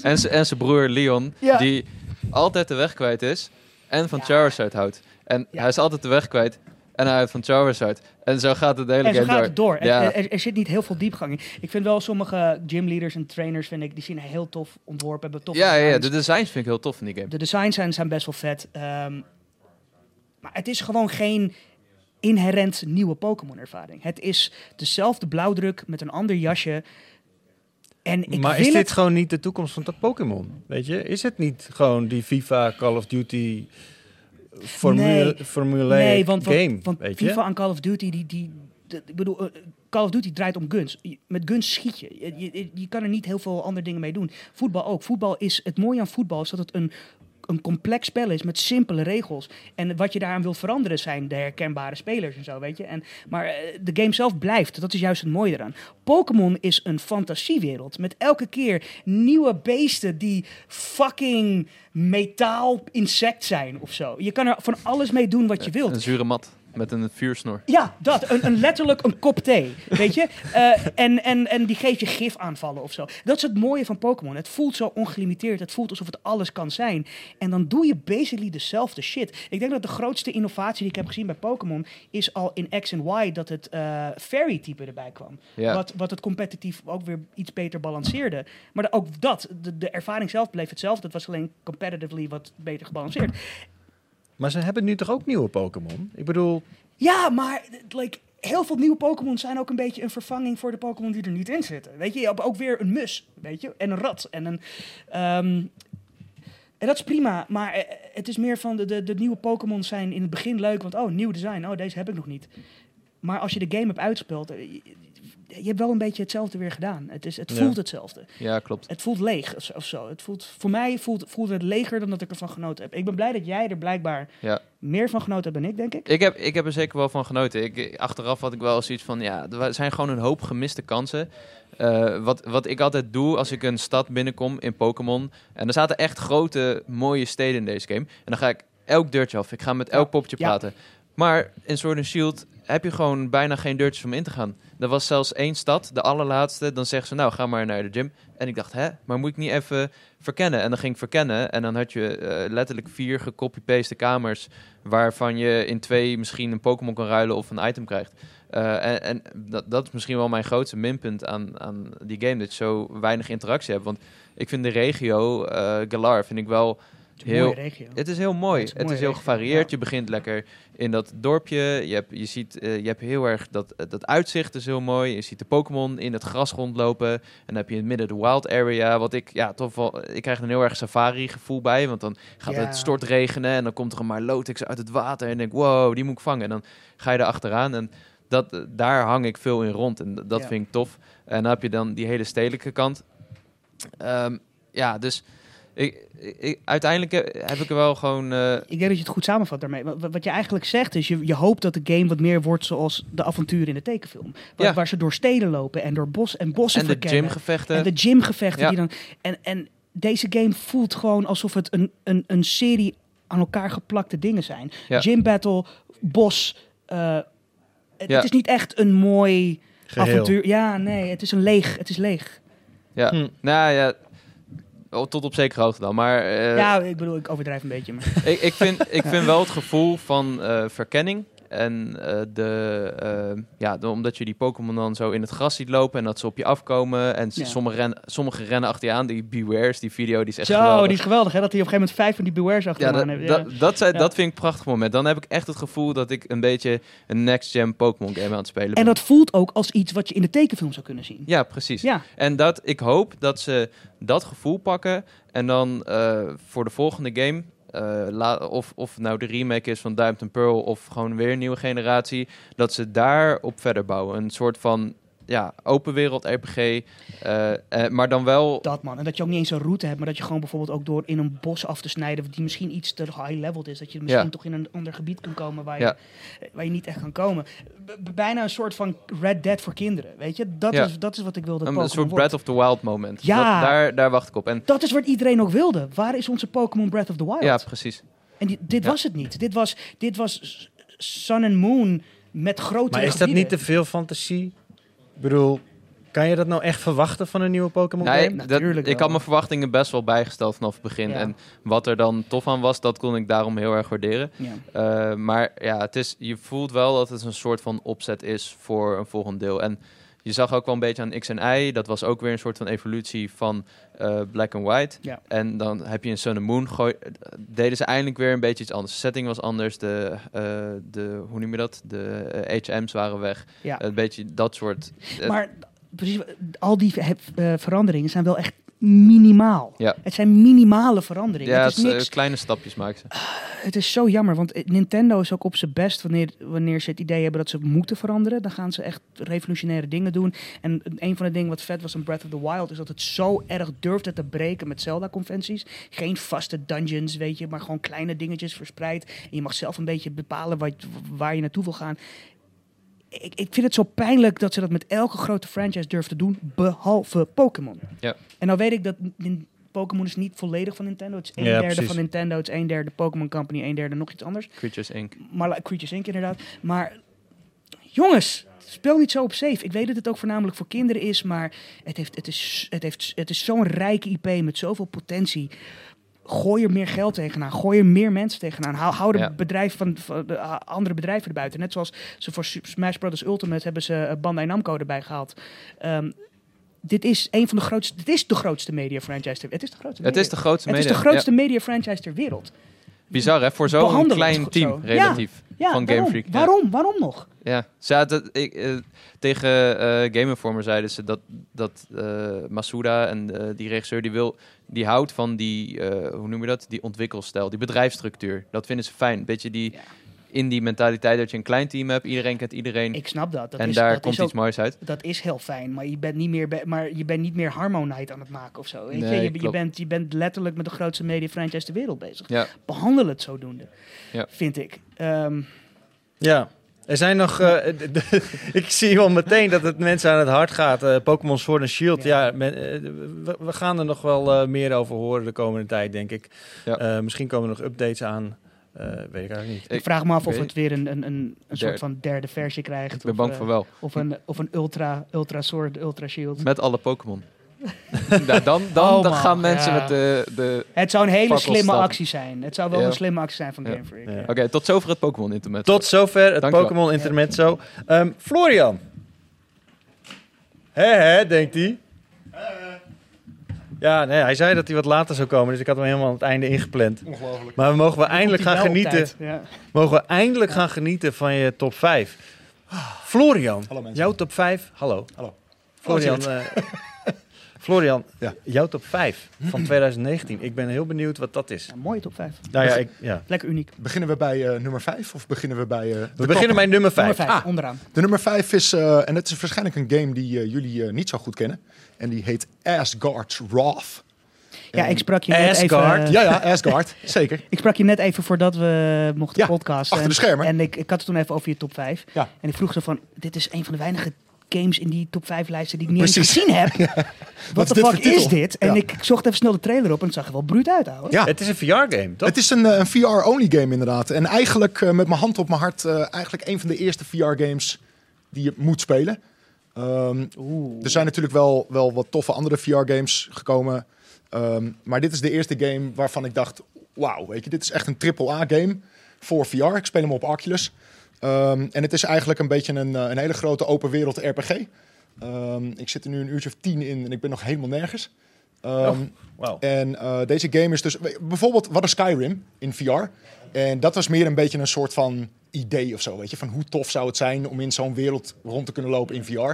Maar Skyrim is natuurlijk gewoon een console game. En die, is, weet je, die heeft een VR-laagje gehad niet eigenlijk. gemaakt voor VR. Precies, en da- daardoor klopte er een hoop dingen niet. En ook movement was Zo. kotsmisselijk. ja. Eh, en dat was eigenlijk allemaal... eh, nogmaals, dat komt omdat er kwam gewoon een VR-laagje overheen eigenlijk. En deze game is echt vanaf de grond opgebouwd voor VR. En dat werkt zo goed. Weet je? En dan merk je ineens het verschil van... Wow, weet je, wat, wat, wat een groot verschil zit er tussen console gaming en VR-gaming. Terwijl het eigenlijk gewoon een open, grote wereld RPG is. Ehm, maar die gameplay is, is oh, echt om door een ringetje te halen. Eh, het werkt allemaal heel erg goed. De movement is langzaam. Eh, langzamer dan je gewend bent in een eruit, de console game. combat zag eruit als first-person Dark Souls, man. Ja, ja, weet je wel. Ja. Ja. Je moet echt heel veel blokken inderdaad. Ja. Strafen. Ehm, je kan dus gewoon met, een- met een zwaard en, en, en, en, een, eh, en een schild... Ik kan zag je, magie ook. Precies, magie heb je. En dat kan je op allerlei manieren kan je doen. Je kan echt met, met pijl en boog kan je, kan je bezig zijn. Echt al die elementjes in VR die heel erg cool zijn om te doen. Dat zit allemaal in die game. Eh, en buiten dat, ja, het is zo'n gigantische grote wereld... waarin je jezelf echt kan verliezen. Ehm, ja, dit is echt de eerste VR must-have eigenlijk. Killer app. Ja, killer app. Is er een killer app al voor VR? Nee, je zegt het toch? Dit is een is- must is- play. Het is, het is een, het is een, een, een must-play game. Maar, het is eh, wel kijk, echt een, een hardcore game. Weet je wat zeg het maar. nadeel is? Als je een killer app hebt op de VR, dan moet die zo goed zijn dat je daar zo'n dikke klap met geld voor meer, neer Ja. wil dokken. Want dat is wel een beetje een ding. Want, want Samuel vroeg ook al inderdaad meteen van... Yo, gaan we dit op PlayStation VR zien? Ja, dat, dat denk ik gewoon niet. Omdat weet je, die game draait inderdaad op een hele vette game PC. En dan is het allemaal mogelijk. Nogmaals, ik spelen met de Oculus. Ze- moeten die game zo downgraden voor PlayStation VR. Ik denk niet dat het gaat Ja, ik gebeuren. ben een beetje een VR-plebs. Ik heb alleen een PlayStation VR. Ja, sure. En een Ja. heleboel met jou. Ja, ja, ja. Ehm, en Maar inderdaad, serieus, precies om die eh, ja, reden. Inderdaad, als je PlayStation VR op je kop hebt en dan speel je bijvoorbeeld Drive Club, Ja. dan denk je echt van holy shit Ja. man, we zijn echt terug in de PlayStation Ja, dat is, 2 tijd. ja, het is echt even een stapje Ja, terug. Ja, zo. ja klopt. En dat is maar Drive. Club, weet je. En dan Ja. heb je nog niet eens zo'n dikke RPG eh, in de open wereld. Ja. Dus, Dus, misschien straks hè, een beetje toekomst, maar PlayStation 5, PlayStation VR 2, who knows. Oh, ik hoop dat Eh, maar op dit ja. moment inderdaad kan je het alleen maar spelen op echt een, een super high-end PC met een Oculus of een, een HTC 5. ja. Eh, maar hele vette game. Dan, En je nummer 4. Eh, op nummer 4. Dirt. Ah, Dirt. Ja, ja, ja Dirt 2.0. Hell yeah. Eh, de eerste Dirt Rally vond ik fantastisch. Eh, en het tweede deel is op bepaalde punten nog beter. En dan heb ik het vooral over de feedback die je krijgt met, met stuur en pedalen. Ik moet er wel bij zeggen dat het, het is wel zo hardcore... dat je moet wel echt een beetje zo'n setup thuis hebben staan met, met stuur en pedalen. Eh, met een controller is het gewoon, dare I say it, niet zo'n goede game. Ehm, maar de feedback die je krijgt als je wel zo'n setup hebt... is ja, ongeëvenaard. Er gaat geen andere game komt daarbij in de buurt. Heb je dat zelf ook zo'n setup? Met ook drie schermen zo? Nee, ik eh? heb geen drie schermen, maar wel een hele vette OLED voor mijn neus. Oh. Ehm, maar ik heb wel een stuur en pedalen inderdaad Ja, ja, ja. En, en zo'n seat. Eh, en dan komt zo'n game echt tot leven. Eh, het is niet voor iedereen. Het Net is zoals dat je super de, hardcore. sommige fighting games moet spelen met een arcade stick. anders Ja, eigenlijk wel. een- Ja, ja, een beetje dat ja. idee inderdaad. Ja, ja, ja, en, en, en je merkt ook echt dat op een gegeven moment zat er niet zo'n rek meer of zo in, in controllers. Dit is gewoon wat je ermee kan. En, Ja. en met, met, met stuur en pedalen, je krijgt zoveel meer feedback. En daar kunnen ze nog meer in groeien, die games. Eh, en Dirt Rally 2.0 doet dat ontzettend goed, echt. Oké. Dan jouw nummer drie. Nummer drie is volgens mij Kingdom Hearts. Ik doe het allemaal uit mijn hoofd. Ja. ja. Kingdom Hearts 3 die kwam eh, aan het begin van het jaar al uit, in januari. Ehm, en daar eh, keken de Ah, fans januari, echt al... ja. Ja, januari was het, of februari, ja. echt, ja, echt Ja. begin van het jaar. Eh, en, en wij fans keken natuurlijk al, weet ik veel, 15 jaar uit zo. fans. Spreek mij niet aan, alsjeblieft. Oh nee, ja, oké. Ehm, maar ik, ik heb al die oude games heel veel gespeeld. En dat vond ik heel erg tof. Die, die combo van, van Final Fantasy characters een beetje en gameplay. eh, met dat Disney sausje is ja, magisch. Eh, en die derde game, kwam uiteindelijk na veel te lang wachten. En ehm, wat ik heel erg cool vond aan die game is dat zelfs al zou je het hele Disney sausje ervan afstrippen, blijft er nog steeds een hele vette action RPG over. Ehm, die heel erg leuk is om te spelen, heel goed speelt. Er zit heel veel diepgang in die, ehm, in die, in die fighting mechanics.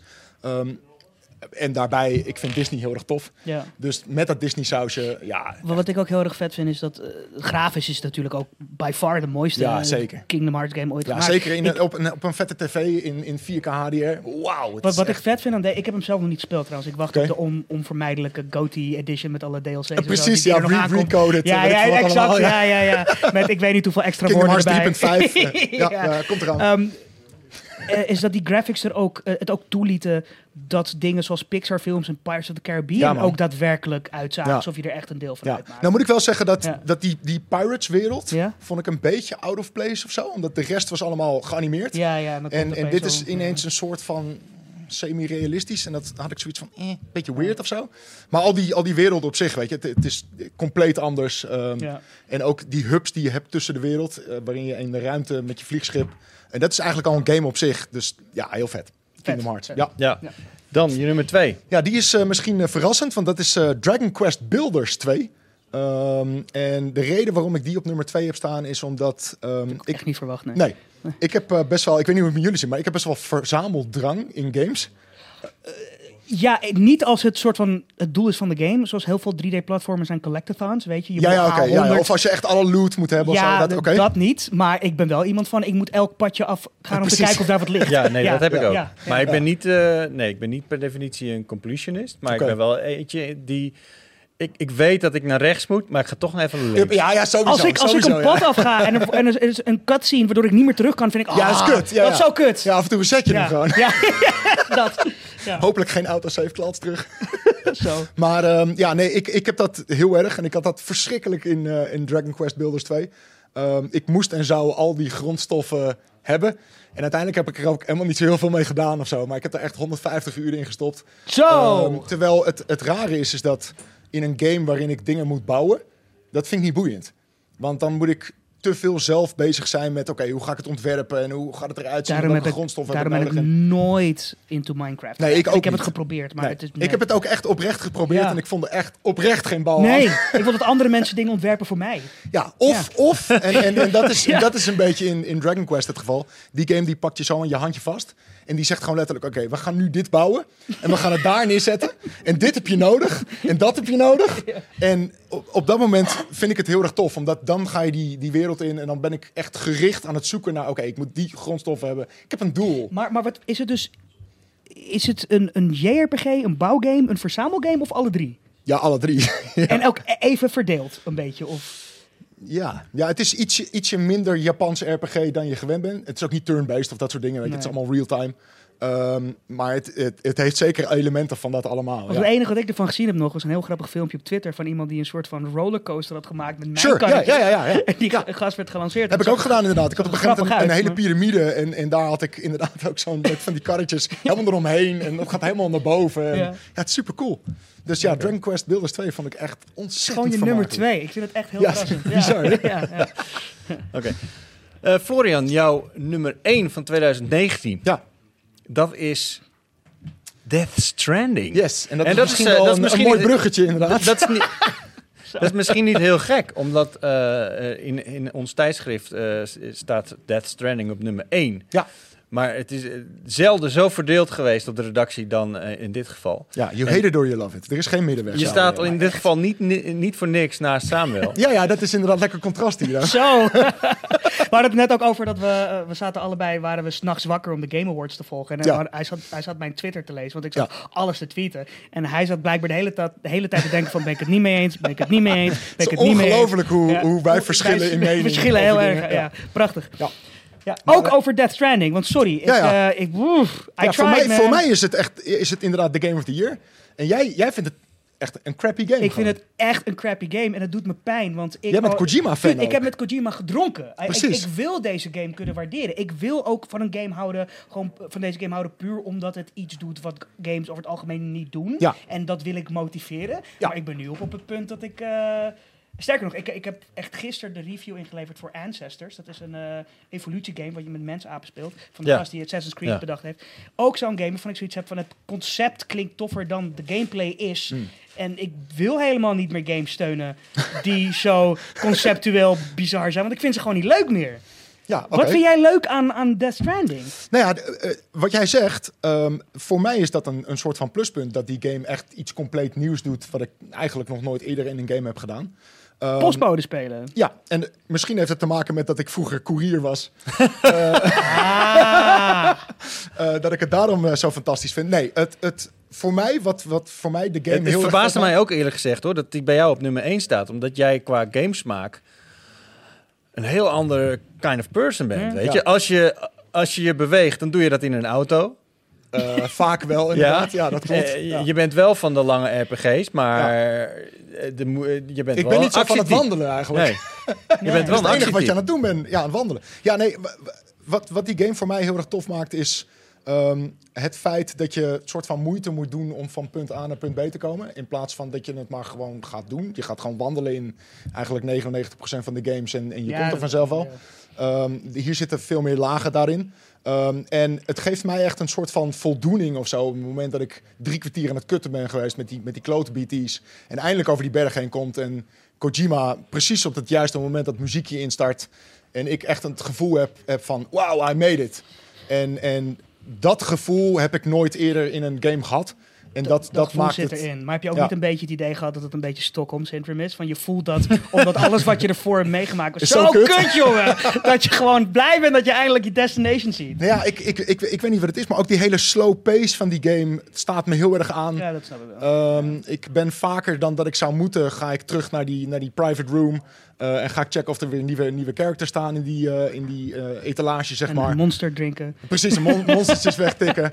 Ehm, ik, moet, ik moet wel zeggen, dit is de eerste game waarbij ik inderdaad wel zoiets heb van... Ik moet, ik moet checken of mijn afstapje gaat lukken. Dat heb ik nooit echt eerder in games gehad. ja. Maar wat ik het ergste vind aan Death Je- Stranding... Wat? Je moet checken of je afstapt. als je bijvoorbeeld gewoon van een heuveltje afstapt... Precies. of je niet ja. Te snel naar beneden al je zo, pakketjes ja. er van, van je aftieven. Goed vasthouden Ja, inderdaad. ja. Ja. U- Uiteindelijk kom ik er een soort van achter dat als je gewoon R, R2 en L2 komt de hele tijd ingedrukt houdt, Dan kom je een heel dan eind, ja. kom je een heel eind. Maar wat ik het naarste vind aan Death Stranding is dat het zo'n niet consistent product is. Het is, het is een hele serene walking simulator met terrein en bla bla bla. En dan zit er echt het meest cringeworthy script doorheen gekalkt. En bossfights die echt soort van super domme third-person shooter bossfights met echt bullet sponges. Waarbij je al je granaten er gewoon Ja. naartoe tieft. In de hoop dat het eindelijk een keer ophoudt. En ik heb gewoon zoiets van, ik weet niet welk onderdeel, van welk onderdeel ik hoor te genieten ook. Mhm. like, it, het is zo'n... Ik, ik snap zeker wat je bedoelt, maar op het moment dat dat zeg maar de eerste keer gebeurt, hè, dus dat je wordt vastgegrepen door al die, die zwarte Ja. dudes en, en, en, en daarin, je zit echt wel even van wow, wat de fuck Ja, gebeurt er? Omdat het ook prachtig geproduceerd is. Hier zit superveel geld ja. tegenaan. Dus als je, als je iemand als Kojima zo'n bizar idee ontwikkelt, is het echt wel iets waar je in Ja. investeert. Ik, ik, Maar- ik ben het wel met, met iedereen eens dat Kojima in dit geval misschien iets te los is gelaten, Zo. eh, waardoor er bepaalde ja, gekke Kojima Maar is dat ook niet een beetje het probleem van Kojima nadat hij weg is gegaan bij Konami? Hmm. Dus het heeft allemaal mensen om zich heen verzameld die feitelijk zijn volgers zijn. Bijna als in Ja. Discipelen. Iedereen heeft een hekel aan Konami en dat is enigszins terecht. Want Konami heeft heel veel verkeerde, heel veel stomme keuzes gemaakt ten opzichte van hun legacy franchises en gamers aan zich. Maar een van de verhalen die de afgelopen tijd steeds meer naar boven komt, is waarom ze Kojima ontslagen hebben. En een van de redenen was is dat hij basically met die met hun bankrekening omging. Alsof, Ja. het, alsof het soort van ze, als, Ja. alsof, alsof, alsof het zijn spaarpotje was. En dat geloof ik ook direct op de een of En, dat andere gelo- manier. en, en, en, en ik moet ook eerlijk, ik heb het idee dat Konami gewoon halverwege zei van, what the fuck ben je aan het doen? We're gonna cut our losses. En als ik kijk naar Death Stranding, heb ik zoiets van, oh, ik snap het opeens helemaal. Eh, Je- ik, ja ik, las, en nee. ik las een paar maanden geleden een artikel over dat het, ik weet niet hoe lang duurde, voordat die mensen bij Kojima Productions eindelijk wisten wat de game een beetje hoorde. Dat, Mm. dat mensen hadden er twee jaar aan gewerkt en wisten nog steeds niet wat, eh, wat ze gemaakt hadden, in hoe, op Ja. wat voor manier het in de game gebruikt zou worden. Ja. Dat is... mm. Maar het, is, het is apart. Dat, Oh, ja, maar, dat het- is sowieso. maar, als ik het zo een beetje, een beetje hoor en dan een beetje van een afstandje bekijk, ik heb die game heel kort even gespeeld. Oké. Denk ik gewoon van ja, er is gewoon, eh, die gast moet, moet beter omgaan met, met de mensen om, om zich heen. eh, Zodat die mensen heeft van hé hey, gast, zullen we dat misschien even wat anders aanpakken? Ja, ik ben zo? het wel met je eens dat Kojima misschien wat tegengas nodig Oh, heeft hier en daar. Uh, Eh, ik, ben, ik ben even de naam vergeten van die dude. Maar hij, hij schreef tot en met Metal Gear Solid 3 schreef hij zijn scripts altijd met een andere dude.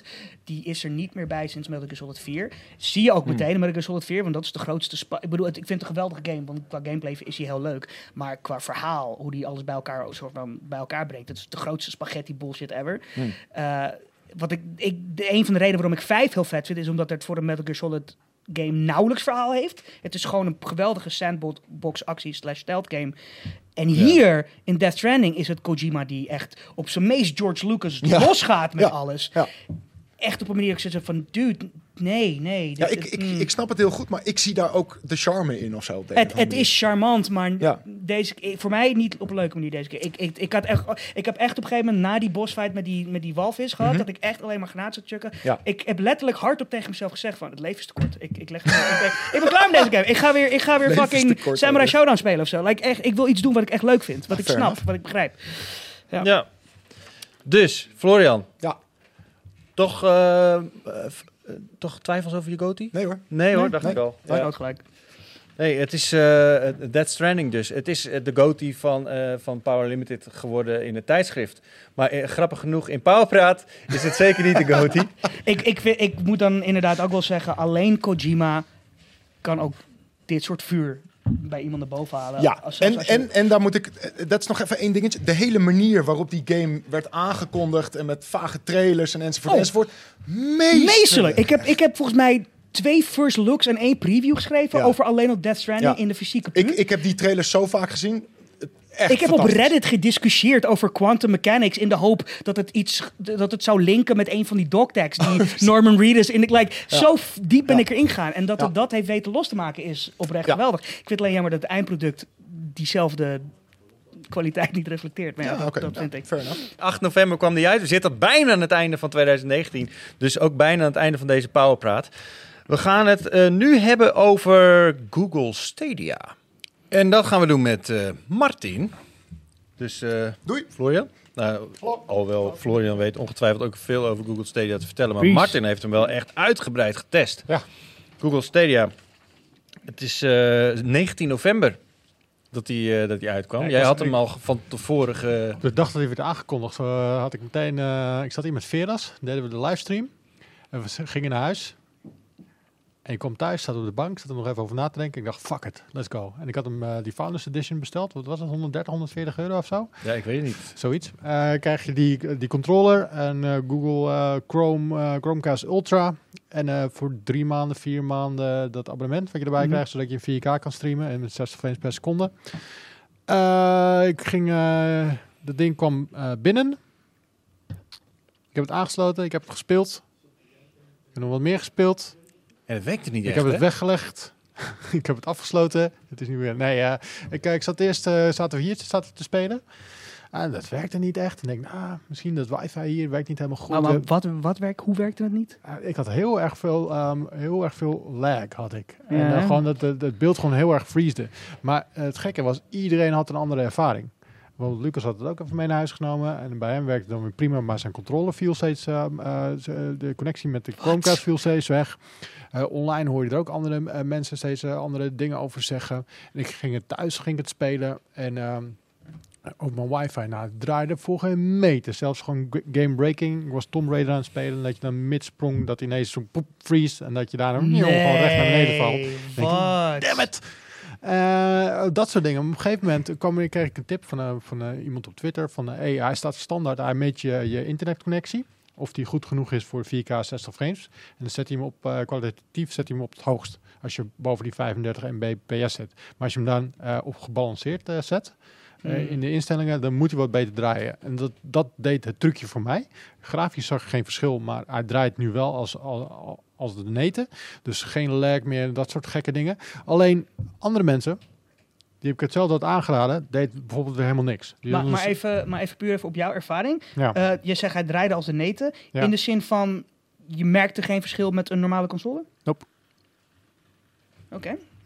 Maar ik kan, dus, ik kan het niemand aanbevelen, want ik weet Ja. niet of het bij jou goed werkt. Ja. Ik kan niet eh, tegen, als ik jou een Nintendo Switch geef, en dan zeg, kan ik gewoon zeggen, koop dit. Exact. Want ik weet, wat, ik weet wat jouw ervaring gaat Ja. zijn. Maar als ik jou een Google, eh, Google Stadia geef, ik geen idee wat jouw eh, ervaring gaat zijn. Nee. Het kan, het kan werken, het kan Ja. ook niet werken. Het, het rare vind ik nog steeds dat jij eigenlijk eh, een 4K-abonnement hebt. Ja. En dat je hem daar niet op kan afspelen.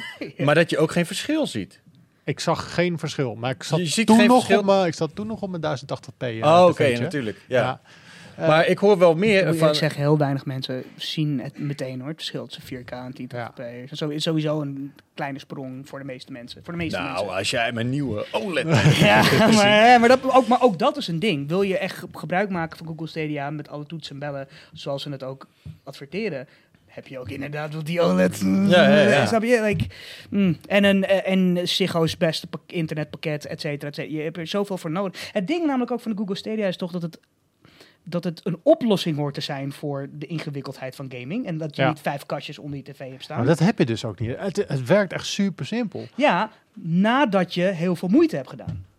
Ja, eh, ja, nog ineens. Het is vrij makkelijk opgebouwd. Ook, dat, ook die UI die ze hebben. Ze hebben je hebt gewoon een instellingenknop. Daar ga je Ja. naartoe en je hebt, krijgt een paar opties. Je kan niet heel veel doen. Je hoeft niet heel veel te fiddelen. Je kan het ook niet echt verneuken. Je kan, je kan niks verneuken. Ja. En eh, hoe het eruit ziet, eh, qua, qua UI, je ziet gewoon je gro- groot scherm voor je met de games die je hebt. En that's it. Meer heb je niet. Ja. Je hebt een store en eh, dan kan je games halen. En dat is misschien ook wel het grootste probleem. Net zoals altijd bij een, bij een console. die valt of staat bij de content die erop te spelen is. weten, 100%. En bij Stadia is op het moment echt helemaal niks. Een ander ding waar ik niet heel veel mensen over hoor en wat voor mij een van de grootste redenen is waarom ik niet geïnteresseerd ben in Stadia nog. Los van het feit dat ik heb gezien, eh, Samurai Showdown is ook te spelen op Ja. eh, Stadia. Maar de meest, ik heb eh, meerdere streams van gezien en de game lijkt twee keer zo langzaam te zijn als de Samurai Showdown die ik op de PS4 heb. Alright. En voor een fighting game is dat gewoon dat is killing. dat is killing. Dat is gewoon niet te doen. Maar het uh, ander ding wat ik heel erg naar vind, waar ik niemand over hoor, een van de dingen waar ik heel erg mezelf voor inzet en waar ik ook meerdere keren voor de puur over heb mogen schrijven, is het behoud van games. Mhm. Ehm, hoe gaan we om met de toekomst, met games en hun toekomst? Eh, en een wat je gezien hebt is dat als games, als je games niet echt zelf meer bezit, Ja. maar als je ze als het ware digitaal mag spelen of lenen van iets wat op een server staat, is dat iemand anders ook met één druk op de knop kan beslissen van, oh deze game mag je niet meer spelen, Ja. want we eh, onderhandelingen zijn eh, een beetje kut gaan met een bepaalde publisher. PT Eh, is een heel goed PT voorbeeld. is een heel goed voorbeeld. Eh, de, een, een ander voorbeeld die ik heel mooi vind is de Scott Pilgrim vs. The World videogame. Misschien wel de, leukste brawler gemaakt in de afgelopen jaren. Is gewoon weggehaald omdat niemand meer wist welke rechten bij de band lagen, bij de comics, bij de film, bij de game. Ehm, de, de, Dead, Serieus? ja, de Deadpool videogame is, is weggehaald nadat Disney Marvel had opgekocht. Het, eh, de Lego, Lego Lord of the Rings is weggehaald. Eh, dat soort dingen. Stadia maakt dat soort dingen ook nog makkelijker op een Ja. niet leuke manier. En er zijn ook, ik, ik las, eh, of, wat was het gisteren bij zondag bij Lubach hadden ze het over dat oudere mensen pinnen nog steeds niet vertrouwen en dat oude mensen nog heel graag met contant geld betalen. Voor soortgelijke redenen snap ik ook wel, want alles wat je natuurlijk digitaal koopt wo- wordt geregistreerd, bla bla bla. Ik vind het gewoon, ik vind het idee niet fijn dat je met Stadia niet alleen dingen niet meer echt bezit, maar dat je ook nog de, de volle map ervoor betaalt. Lijkt- eh, soms zelfs meer, hè? Soms zelfs meer. Ja, het is echt insane wat je zo voor die games moet betalen. Zo. Ja. Eh, het abonnement voor Stadia zelf, de volle prijs voor de game. Ja. Eh, je, je moet het beste internet hebben, wil je, wil je er echt van, van genieten. Ik, ik snap niet wat er nu aantrekkelijk is aan Stadia, los van het feit dat je kan zeggen dat je een early adapter bent. Dat.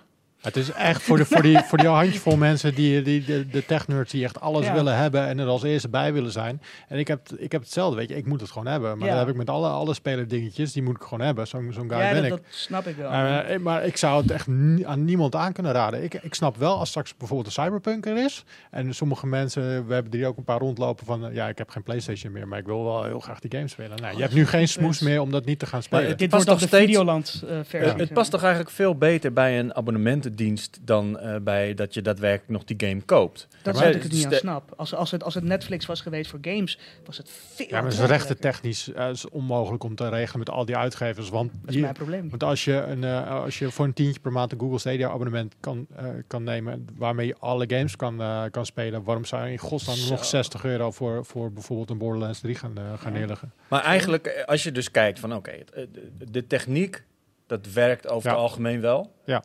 Is het toch veel beter, het is toch veel meer een argument om eh, een Xbox Game Pass te kopen dan, dan Google Stadia. Want Yep. uiteindelijk krijg je bij Xbox een, een- hetzelfde ervaring, ook streaming. Yep. En bovendien krijg je er gewoon een abonnementendienst bij. eh waarbij En je al die games shitload hebt. aan games. Ja. Zo, ja. Goeie, goeie Nee, waarde voor je geld. Ja, Ja. eens. Dus het is net alsof ze, ja, als, als Microsoft een beetje goed aanpakt, dan kunnen Tuurlijk, ze met een eh, goede het- Sterker marketing... nog, sterker nu voor nog het wat, Mike, wat een van de redenen waarom we het nu nog steeds überhaupt hebben over Xbox en waarom dat nog steeds bestaat, is omdat basically Microsoft de helft van alle Xboxen ge- ge- soort van gefinancierd heeft. Als jij een Xbox kocht, de allereerste, dan kocht, ze maakt ontzettend veel verlies. Ze betaalden de helft basically van het apparaat, omdat ze gewoon wilden dat iedereen erop speelde. Google moet een soortgelijk ding doen eigenlijk. Ze moeten zeggen van, hier heb je een abonnement voor Stadia. En de game moet je erbij kopen, maar dan voor 30 euro in plaats van die 60 flappen die het normaal Ja. kost voor de PlayStation. Dan geef je, het kost hun misschien iets meer geld, maar dat is de prijs die je moet betalen als je een groot speler wilt zijn in deze markt. Microsoft heeft dat gedaan. Het heeft ze heel lang in de rode cijfers gehad, maar uiteindelijk zijn ze eruit geweest. Google moet bereid zijn hetzelfde offer te, te doen, denk ik. Ik denk dat dat een manier is Ja, om... ze eh, moeten gewoon met content komen, weet je. Ze hebben natuurlijk wel en dat... en Jade dat- Raymond eh, hebben ze binnen, binnengetrokken. Ja. Met, eh, zij gaat eh, exclusief games Ja. maken voor Stadia. Ja. En als er goede exclusieve games opkomen, dan gaan mensen het Maar is eh, nog maar is Creed ook, eh, toch? Eh, Zij is van Assassin's ja. Creed. Maar is dat niet een beetje too little too late? Want eh, je kan, niet een Mm. je kan het toch niet een, een platform lanceren zonder exclusive? Dat is, hebben we toch wel een beetje... Ja, ze hadden er eentje. Eh, eentje die ik waar de titel nu alweer van vergeten ben. Zo Zo. fantastisch is hij. Zo fantastisch is hij. Bergen verzet, jongen. Nee, ze hebben echt een valse start gemaakt. Want ook, eh, eh, ze hadden het misschien nog gewoon meer als early access moeten doen. Of als, als een betaatje. Dat, maar nu zag iedereen het als de grote nieuwe launch van een nieuwe gaming service. Nu nog met nul content. En er was heel veel gelazen met die launch. Want mensen zouden een code krijgen eh, op dag van launch. Dat gebeurde niet. En met die code zou je al kunnen gaan spelen. Eh, dus mensen, sommige mensen hadden gewoon een controle thuis liggen. Waar ze Oh, niks mee konden. Want ze oh, konden die service nog niet op. Kan je niet maken. Dus eh, Reddit mensen. explodeerde, het internet Zo. explodeerde en dan heb je zo'n slechte marketing rondom je Vind je, vind je de controller in ieder geval wel fijn? Ja, die is, die is goed. Die, Is die nice. goed? Ja, die is nice man. Die is nice. Ja, Google Stadia dus. Hij kwam eind november voor sommigen uit. Eh, kunnen, we, kunnen we zeggen dat dit na, na Anthem dit wel de flop van het jaar was dan? Zo. Hm. Ja, ik denk het wel. Ja. Martin? Ja, hate to say het it, want ik geloof er helemaal in, weet je. Ik, ik geloof in streaming van games, want als ik het nu aanzet, ik kom thuis, het werkt meteen. Weet je, en als ik mijn, mijn PlayStation from scratch aanzet, dan ben ik eerst drie kwartier aan het downloaden en het updaten. En dat heb je met dat Ja, niet. dat dus eh, weet je, maar dan kom gewoon met die games en zorg dat het goed werkt. Dan, dan- Aan de andere kant, als mijn internet eruit ligt, kan ik nog steeds op mijn PlayStation spelen. Ja, maar wat, wat wil je gaan spelen als je niet online kan spelen? Oh, heel veel dingen. Ja, Ja. dat is wel. Ja. Ja. Ik weet niet. Maar, maar ik kan geen Apex spelen. Wat Ik ga gewoon Sekiro weer spelen. Nog een keer. Gewoon. Kijken hoe dat wel werkt met, eh, met streaming. Oké, ja, de, ja, Google Stadia dus, dus. Kijken wat dat gaat worden in 2020, eh, dat gaan we zeker ik doen. denk dat het op zijn minst nog wel een jaar of drie, vier, vijf nodig heeft voordat het echt... Ja. Ook dat mensen het snappen, hè? Ja. Net zoals wat je zei, want mensen eh, eh, durven nog niet online te bankieren en dat soort dingen. Die willen gewoon Ja. pinnen. ja. Mensen moeten, hebben echt een drempel dat ze echt eh, games gaan streamen. En die drempel is enigszins ook wel begrijpelijk hoor. En gerechtvaardigd misschien wel. Maar Ja. maar ja, ja ik denk dat het eh, ja, te vroeg is. Ja. Oké.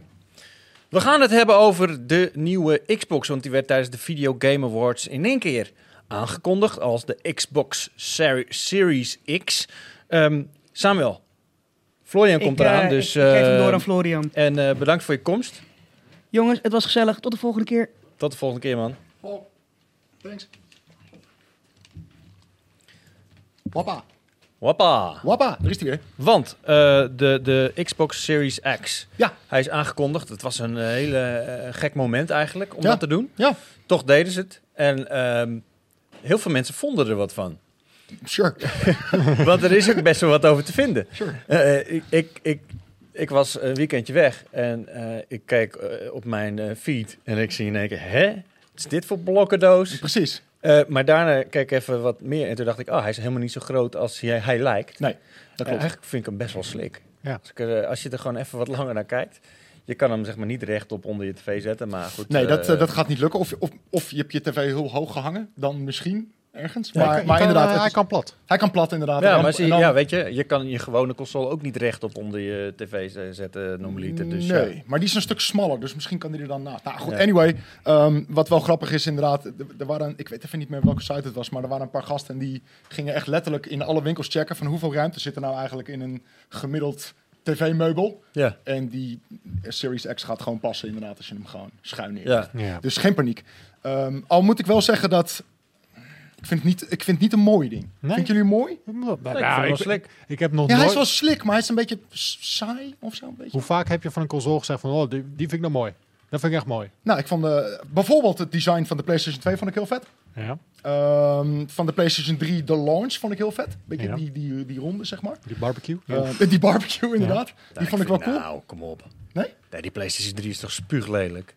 Nee, vind ik niet. ik heb nog nooit gehad. Nou goed, weet je, uiteindelijk maakt het ook niet uit hoe die eruit ziet of zo. Ja, weet je, een daar gaat het om. spelen, toch? Precies, daar, Ja. daar gaat het uiteindelijk om. Maar wat ik wel een beetje gek vond, dat begon jij eigenlijk ook al over, is de manier waarop het wordt aangekondigd of zo. Weet je, het is inderdaad in die Game Awards, kwam Phil Spencer kwam even op het podium. En dan komt er echt een lullig trailertje van heb ik jou daar. Ja. En Wow, daarna dat is is wel het... mooi hoor. Ho is. Daar hebben echt mensen maanden op zitten ploeteren op die Het was, trailer. het was echt een super lullig Vond je, vond je het lullig? echt Oh, ik lullig vond, ik vond trailertje. vet Ja, hoor. ik die heb, het niet over die Hellblade, hè? Ik heb het niet over die Hellblade. Nee, nee, nee. Die Hellblade was wel echt dope, hoor. Die zag er heel vet uit, maar, maar ook die nogmaals... trailer van die console zo boven het water en zo flaats Ah, in het water. god, man. Het sloeg nergens op. Het slaat nergens op, maar het vond ik wel mooi. Maar buiten dat, weet je, de- het hele moment in die show vond ik gek. Want het is, wow, een nieuwe console. En daarna, Jeff Keighley had echt zoiets alsof er niks was gebeurd. En op, we gaan door met een of andere, andere Dap. gezondheid. Eh, met een of andere andere eh, kut world premiere van hem. Ja. Ehm, het, het ging zo tussen neus en lippen door of zo. Ik vond het heel weird. Maar ook al als je kijkt naar hoe Sony bijvoorbeeld de eerste dingen vertelde over de PlayStation 5. Ja. Dat gebeurde ook in Wired. Ja. Het ging ook een beetje tussen neus en lippen door. What the fuck, weet je? Dit zijn, dit zijn nieuwe consoles. Ik, als hardware-nerd en game-nerd, kijk hier elke keer zeven of acht jaar naar uit. En dan wordt het op deze manier gepresenteerd. Ik krijg er echt een beetje een slappen van. Ja? Ja. Dat is een nieuwe manier, en, man. En, en, en het ding ook, weet je, die Hellblade trailer, laten we het daar even over hebben dan. Mhm. Het ziet er super vet uit. Ja.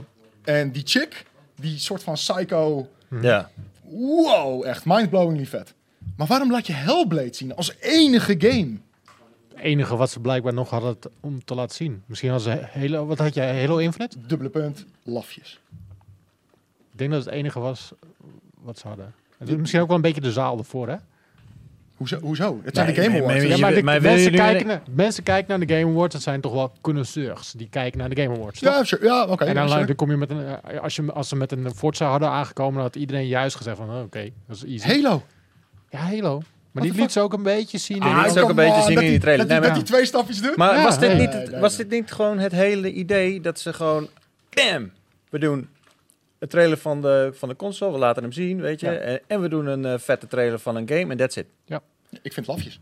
Buiten, buiten dat, hij stond ook niet op het... Hij was helemaal niet aanwezig. Weet je, dat doe je meestal hij, met hem, een... hij heeft hem thuis staan, dat zei hij. Ja, dat is allemaal leuk, maar ik heb hem niet gezien of zo, hoor. Ja, ik bedoel, ik heb, bij een, hem ik heb een render gezien. Ja. Ik wil de console zien. Ja, dat, dat ga je zien tijdens E3. Ja, ja, ja, ja zin in. Ja. maar Ja. ik, gewoon de hele aankondiging van, van beide consoles vind ik erg lafjes. Ik vind het tof. Ehm, maar hoezo? Het is, het is veel te, het is te klein. Het is een keer wat anders, maar ja, gewoon, je krijgt de hele tijd, eh, je krijgt gewoon steeds een kleine snippet. We hebben al tech, eh, de specs hebben we gehad, en nu krijgen we de, de looks. Ja, maar ook, ook dat straks, wordt niet... straks mogen we hem bevingeren en eh, Ja, op de E3 natuurlijk, zeker. Ja. Maar dat duurt nog een half jaar. ja, Dat is lang hoor. dus hype bouwen Op wat? Op een nieuwe console. Ja, maar, ja, maar Ze hebben nog zoveel te vertellen over dat ding xCloud wat er nog bij aan zit te komen. Al die, die 15 studio's die ze laatst hebben aangekocht, die allemaal Ja, games dat aan is maken zijn. ik hoop echt dat er hele, hele vette games aankomen. Ik bedoel, dat heeft Xbox nodig, laten we eerlijk zijn. Yep.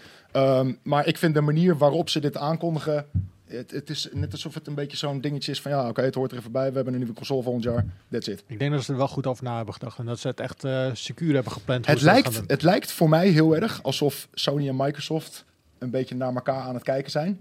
Van oké, wat, wat gaan wij nu prijsgeven? Weet het niet, man. Ehm, en ik denk dat het komt omdat de PlayStation 5 en de nieuwe Xbox gaan identiek aan elkaar zijn qua hardware. Ja. Eh, het ligt dichter bij elkaar dan ooit, denk ik. Weet je wat gek vind? Ze draaien allebei op AMD, toch? Ja. En AMD, er moet iemand toch zijn die informatie doorspeelt bij AMD. Ja, dat, dat, daar zijn hele, inderdaad, dat, dat vraag ik me ook wel eens af. Maar er zijn inderdaad hele clausules voor. Die worden Ja. getekend en shit. En het, zijn, het is zelfs zo erg dat er bepaalde teams zitten binnen AMD. Die alleen maar met PlayStation bezig zijn of alleen maar met Xbox. Ja. Maar de, Die- grap, maar de grap is een Die beetje. hebben Dat, op een ander tijdstip lunch. ja. Die mogen niet met elkaar praten. Ja, het is eh, super bizar. Maar je kan wel een beetje zien aan gewoon eh, de, de videokaarten die eraan komen. ehm, de processors die eraan komen. Wat het ongeveer gaat worden. ja. En ze gaan natuurlijk allebei zo hoog mogelijk mikken. Uh, maar het komt tegelijkertijd uit. Uh, en dat was bij de Xbox en de PlayStation 4 was dat niet zo. En met de console daarvoor ook niet. Dus toen konden ze een beetje het soort van van elkaar afkijken nog. Of, of net even iets bovenop leggen. Dat kan nu allemaal niet. Dus ik denk, ik denk dat ze echt identiek worden aan elkaar. En dan, waar gaat het dan om draaien? Om de Exclusives. games, ja. Ja. Games. Ja, ja. En ik hoop echt dat Microsoft gaat, gaat vlammen daarmee. En ik denk ook wel dat ze dat eindelijk soort van doorhebben. Precies, inderdaad met al die studio's die ze hebben aangekondigd. Het, het moet wel goed komen. Ehm, maar ik, ik zat net ook een beetje mee te luisteren. Ik, ik verwacht echt vuurwerk op de E3. Ik denk dat het weer een vanouds E3 gaat worden. Ja? En Met eh, ja, Sony kamp en Microsoft kamp precies Ja, inderdaad. eh, Maar ik denk dus niet dat het... eh, ik denk dat het... het gaat steeds een weekje naar voren al. Hmm. Vorig jaar was het ook... in 2019 was het dus ook Google. Die ineens een week voor E3 met hun ja. soort van... Oh, maar ze doen ook wel eigen Direct, of events. Want, Sony die heeft volgens mij dat ding gepland in februari. Ja. Eh, daar gaan we natuurlijk heel veel, eh, veel dingen zien. Maar de E3 zal de eerste plek zijn waarop wij eventueel het vast kunnen houden en het kunnen proberen, denk ja. ik. Dus ik denk dat wel dat het een big deal wordt. En dat ze allebei gaan vlammen met hele Ik vette... hoop het, man. Ja, ik hoop het ook echt heel erg. Ik heb een hard hoofd in alleen. Ja. Ja. En dan hopelijk is het misschien ook een, eh, een iets beter gamejaar. 2020. Ja, het was niet helemaal mijn persoonlijke gamejaar. Al zaten er zeker wel wat leuke games tussen waar ik me heel erg goed mee heb Ja. vermaakt. Ehm, maar het was niet helemaal mijn jaar, inderdaad. Wat, wat vond jij, Martin? Vond je het een Ik vond het teleurstellend? een heel zwak gamejaar. Ja. Maar dit was echt zo, je merkt echt aan alles dat het klaar is. Precies. PlayStation 5 komt eraan, Ja. Xbox Series X komt eraan. Ja. eh, de laatste games worden er nog eruit gedrukt. Ja, we krijgen... eh, Cyberpunk komt nog, The Last of Us precies. 2. Ghost of Tsushima. Ja, daarna is het echt wel klaar. Houd het op, inderdaad. Ja. Dat zijn echt nog de, de grootste klappers. En dan eh, wordt het next gen. Yep. Zin in, man. Ja, anders kunnen we de rest er even bij vragen. Wat, eh, Lucas en Jacco en Wouter. Want eh, laten we hem dan inderdaad even afsluiten eh, met, een- met een terugblik. Want ze komen echt aan, Ja, wandelen maar- alsof ze op dat het matje worden geroepen door... ik dacht dat we nog lang Ja, het is even een change of plans, geloof ik. ja, nee, Kleine, echt, kleine change of plans. Want eh, Martin vindt het echt een zwak gamejaar. Wat vond jij, Wouter? Ik, eh, ik, eigenlijk voor, voor mijn smaak was het best wel een goed gamejaar, eigenlijk. Maar ik snap dat het voor eh, een heleboel andere smaken niet zo een vet gamejaar was. Wat voor jou, Jacco? Eh, ik- volgens mij sta ik een beetje in dojo ook. Eh, ik vond het een bijzonder matig gamejaar. Bijzonder, Bijzonder Ja, matig. Wel bijzonder, Ja, dat nee, maar wel matig. nee, maar het waren, het waren wel veel goede games hoor, dat, eh, dat moet ik wel toegeven. Maar veel games die gewoon goed waren. Ergens tussen de 8 en de 9. En waar ik toch wel eh, beter op ga, is, zijn echt die uitschieters, weet je wel. De God of War, de Breath of the Wild. eh, Witcher op de Switch. The Witcher op de Switch. dat was misschien wel de beste game die ik dit jaar heb gespeeld. Nee. Oh my god. nee, ja, eh, dat, ik miste dat gewoon een beetje dit jaar. Ja. En eh, daarom eh, is mijn top 5 ook zo flexibel. Maar goed, ja, er komen veel games aan waar ik heel erg naar uitkijk. Dus eh, ik hoop dat volgend jaar beter wordt. En Lucas? Komt erbij. Ja, nou, wat mij betreft, die eh indies hebben het voor mij gered. Eh, er zijn Ja. een paar dingen geweest die ik echt heel tof vond. Eh, misschien dat Death Stranding me nog echt gaat pakken. Maar er, is gewoon, er is genoeg om te spelen, dus er was genoeg moois dit jaar. Dus ik denk wel volgend jaar wel echt, echt knallers. Oké, nou dan gaan we dan maar vooruit. Ehm, ja, dat was Pauwpraat. Een teleurstellend 2019, behalve voor Wouter. Dan, en ook een beetje, een beetje behalve voor Lucas, want die Wat vond je er zelf van eigenlijk? Eh, nou, ik ben het wel eens met, eh, met de algehele tendens. beetje Op het moment dat ik eh, de meest gespeelde game van mij FIFA eh 20 is, Ja, dan gaat eh, Ja, dat is wel pijnlijk. Ja. Ja.